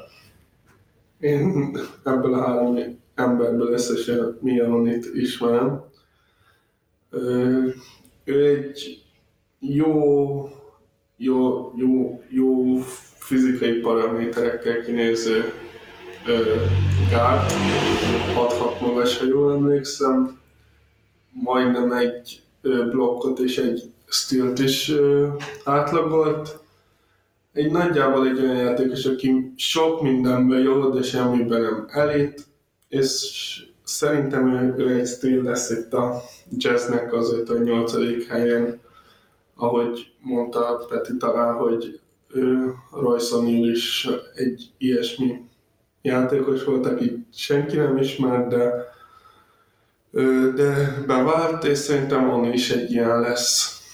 Úgy én egy hármasra értékelném ezt a draftot. Ezekkel a pikkekkel, hogyha bármit kihoz egy csapat, tehát hogyha bármelyik játékos akár csak játékperceket is kap az első szezonjában, az már egy fegyvertény kell, hogy legyen. Viszont egyenlőre nekem nincs annyi tapasztalatom ezekkel a játékosokkal, hogy meg tudjam mondani, hogy mit várok tőlük, így egy hármosnál maradnék. Ugyanúgy, mint a Spursnél bejöhet, de, de olyan kiemelkedően jót nem húztak ezen a drafton. Én például a just örültem volna itt az 50. pick mögött egy John Tay Porter húzásnak, aki nekem nagy kedvencem az egyetemről. Ő, ő, ő kár, hogy nem kelt el a drafton, és ha jól emlékszem, még mindig nem igazolt le sehova. Nem, Porter valószínűleg már nem is lesz NBA játékos, egyszerűen az ő sérülékenységével nem, nem mer csapat sem kockázatot vállalni. Igen, így van, sérülékeny, viszont egy nagyon nagy tehetség szerintem ugyanúgy, hogy a testvére is, ugye Michael Porter testvére ő. Mind a ketten ugye nagyon sérülékenyek, de a tehetségük megvan hozzá, hogy jók legyenek az NBA-ben is. Ugye Porter egy jó passzoló, jó befejező, és védekezésben se elveszett magas ember. Én, mondjuk, én mondjuk egy Brentley helyet szí, szí, simán kipróbáltam volna jazz helyébe, mert igazából nem veszthetnek vele. És akkor ez, ez mit jelent, hogy inkább negatívan értékeled így az összességében? Én lehúznád ezt a draftot? Nem, nekem van így tetszik. Formanről, amit hallottam most tőle, igazából annyit tudok nagyjából őt nem tudom jelenleg hova rakni, hogy milyen lesz. Brentley nem tetszik. Én egy hármas mondtam ugye az előbb, ha jól emlékszem, és most is arra, arra hajlanék, de hogyha Oni beválik, akkor ez egy jó draft lehet nekik így az 50 mögül valakit kihalászni. Akkor viszont már csak egy csapatunk maradt, és az a kérdés, hogy, hogy vajon jól halászott-e a Washington Wizards, akik a 9. helyen Rui Hachimurát vitték el a Gonzagából, és 42. helyen Admiral Schofieldet Tennessee Egyetemről, aki Grant Williamsnek volt a csapat és harcos társa. Mm, nagyon érdekesek voltak a Washingtonnal kapcsolatos külföldi és hazai vélemények is Péter, te ismét a rózsaszín oldalt képviseled, a derülátó oldalt, vagy, vagy itt most már azért esőfelhők is vannak? Hát mondjuk legyenek rózsaszín esőfelhők. Én Hachimurát nagyon kedveltem a Gonzaga Egyetemen. Szerintem ő egy érdekes prospekt, de 9. pikkel még semmiképpen nem húztam volna ki. Úgyhogy itt egy ilyen, egy ilyen erős kettősség van bennem hogyha ő tíz helyjel később kell el, akkor úgy gondolom, hogy a, hogy a helyén lett volna, és onnan steel potenciál is lenne benne, így erősebb a, a bust potenciál. Schofield viszont a, a 42. helyen nem csak azért jó választás, mert zseniális neve van, hanem azért is, mert a Tennessee Volunteers csapatában ő egy, ő egy nagyon komoly jelenlét volt a pályán. Tényleg úgy néz ki, mint egy, mint egy amerikai focista a kosarasok között, hihetetlen karjai vannak, nagyon erős játékos, nagyon jó védő. Szerintem ő a, a 42. pikkel nagyon jó választás volt, úgyhogy elég vegyes a, a megítélésem a Washington draftjáról. És mit gondoltok, hogy lehet, hogy Hachimura a kiválasztása a japán piacnak szól, hogy hát azért a Washington szerintem nem a legnépszerűbb csapatok között tartják számon. Lehet, hogy így Japán felé így nyitottak? Péter, te mit gondolsz?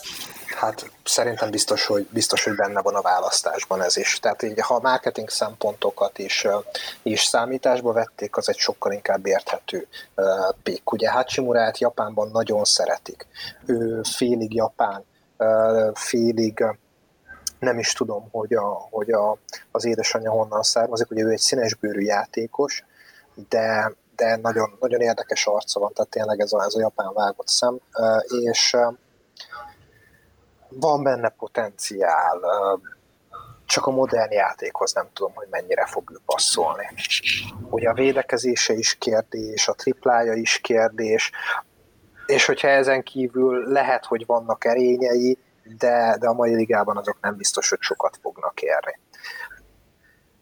Nem is tudom már, hol olvastam, talán ez is a Ringernél volt. A Ringernek van talán a legrészletesebb ilyen draft elemzése előzetesen, hogy, hogy mintha ő ilyen Windows 95 sebességgel látna és mozogna a pályán. Egyébként a fizikális dolgokat megoldja a védekezés és a tripla kivételével. Ez így összességében nem vetít előre olyan jó egyetemi az egyetemi után nem vetít elő olyan jó NBA karriert, de ugyanakkor meg ő fejlődött nagyon sokat az egyetemi évei alatt. Folyamatosan, töretlenül, jó munkamoráról tett tanúbizonyságot.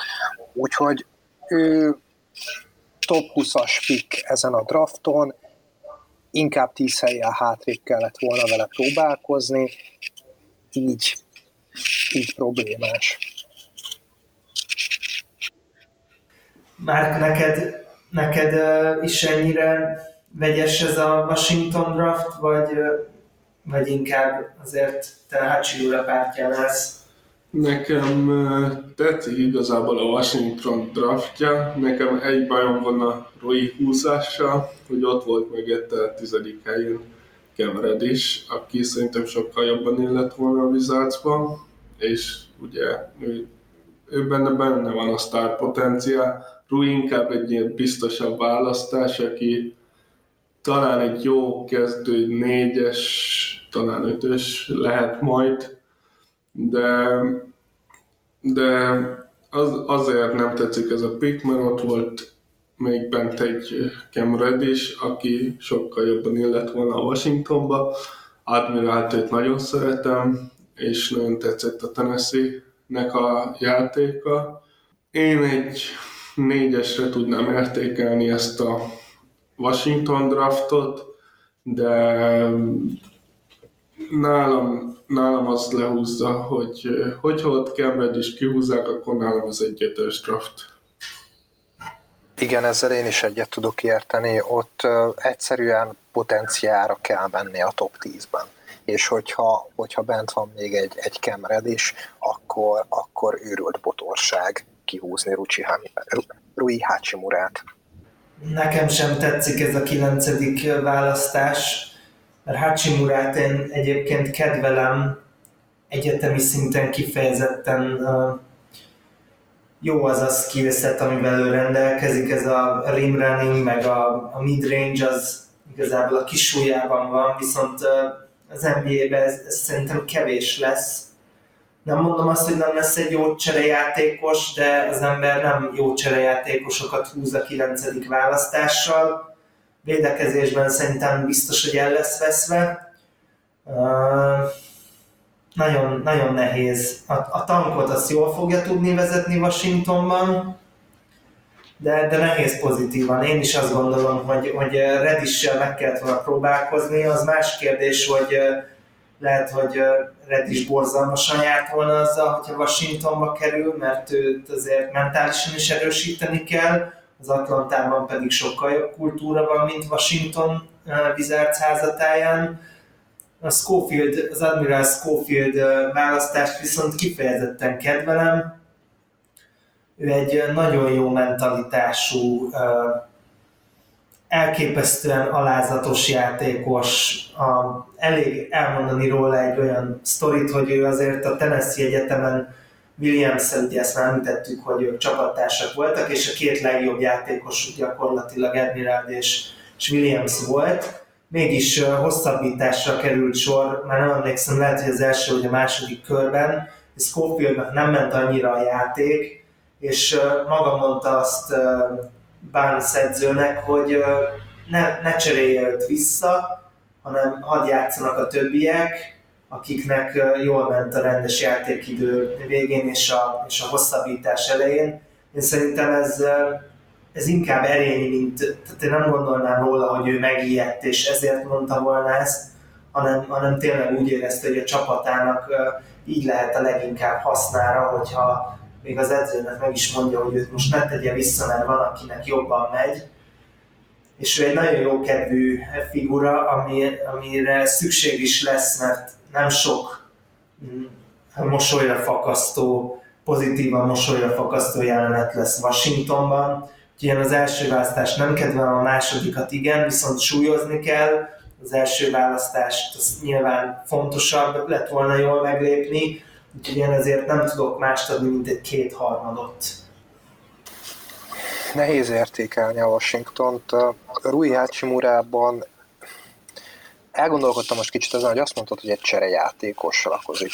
Én el tudom őt képzelni egy mondjuk második opció szerepben, egy nem túl jó csapatban, vagy egy, egy pontszkórer szerepben, és akkor ez a cserejátékos ez működhet, csak azt nem látom még, hogy, hogy ezeken kívül, tehát hogy ő a, a pontszerzéséből éljen meg NBA pályán, mi más lehet még benne.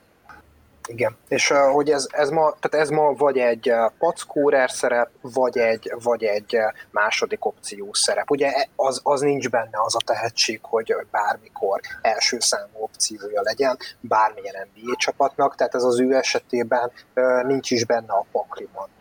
Hát akikhez őt sokszor szokták hasonlítani, azok a Morrisikrek, és közülük is inkább Marcus Morris, hogyha olyasmit tudna hozni, mint Mook tavaly a Celticben, akkor az egy jó út lehet, csak, csak szerintem nem olyan jó védő, és nem is lesz soha annyira jó védő. Ezért, ezért problémás így. De eddig mindig felnőtt a feladathoz, hogy valami pozitívat is mondjak, tehát hogy ő, ő nagyon mélyről indult, későn is kezdett el kosárlabdázni, az angol nyelvvel sem volt barátságban, amikor Amerikába került, és szépen lassan, de folyamatosan fejlődött, hogyha ezt tovább tudja vinni, akkor, akkor még akár NBA játékos is lehet belőle, csak ahhoz valamit meg kell tanulni a jelenlegi skillsetjéhez, még ami az NBA-ben is hasznos tudás. Hát én kettes tudok erre, erre a draftra, én, én most, most nem tudok. Nem, még, még sincsenek rózsaszínesűek, még sincsenek felhők, most beborult. Elfáradtunk itt a végére, és az én hangulatom is beborult, úgyhogy a Washington Wizards draftja nálam kettes tér. Márk? Én már értékeltem egy négyesre ezt a draftot mert annyira borulátóak lettünk, hogy már így meg se halljuk, hogyha valaki pozitívan értékeli a Washington. Igen.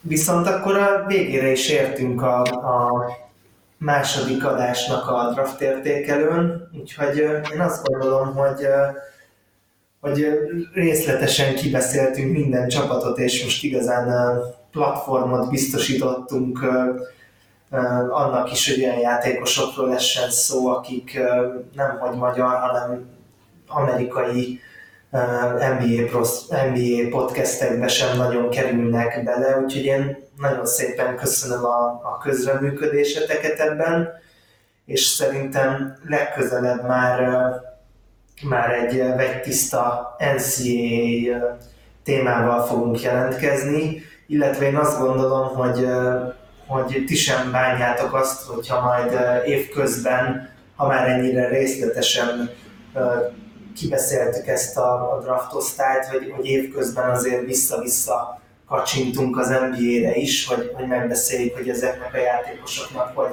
alakult a karrierje, vagy hát legalábbis az újoncébe. Úgyhogy még egyszer nagyon szépen köszönöm, hogy, hogy létrejöhetett ez a beszélgetés. Sziasztok! Köszönöm, hogy itt lehettem, sziasztok! Én is köszönöm, hogy itt lehettem, sziasztok!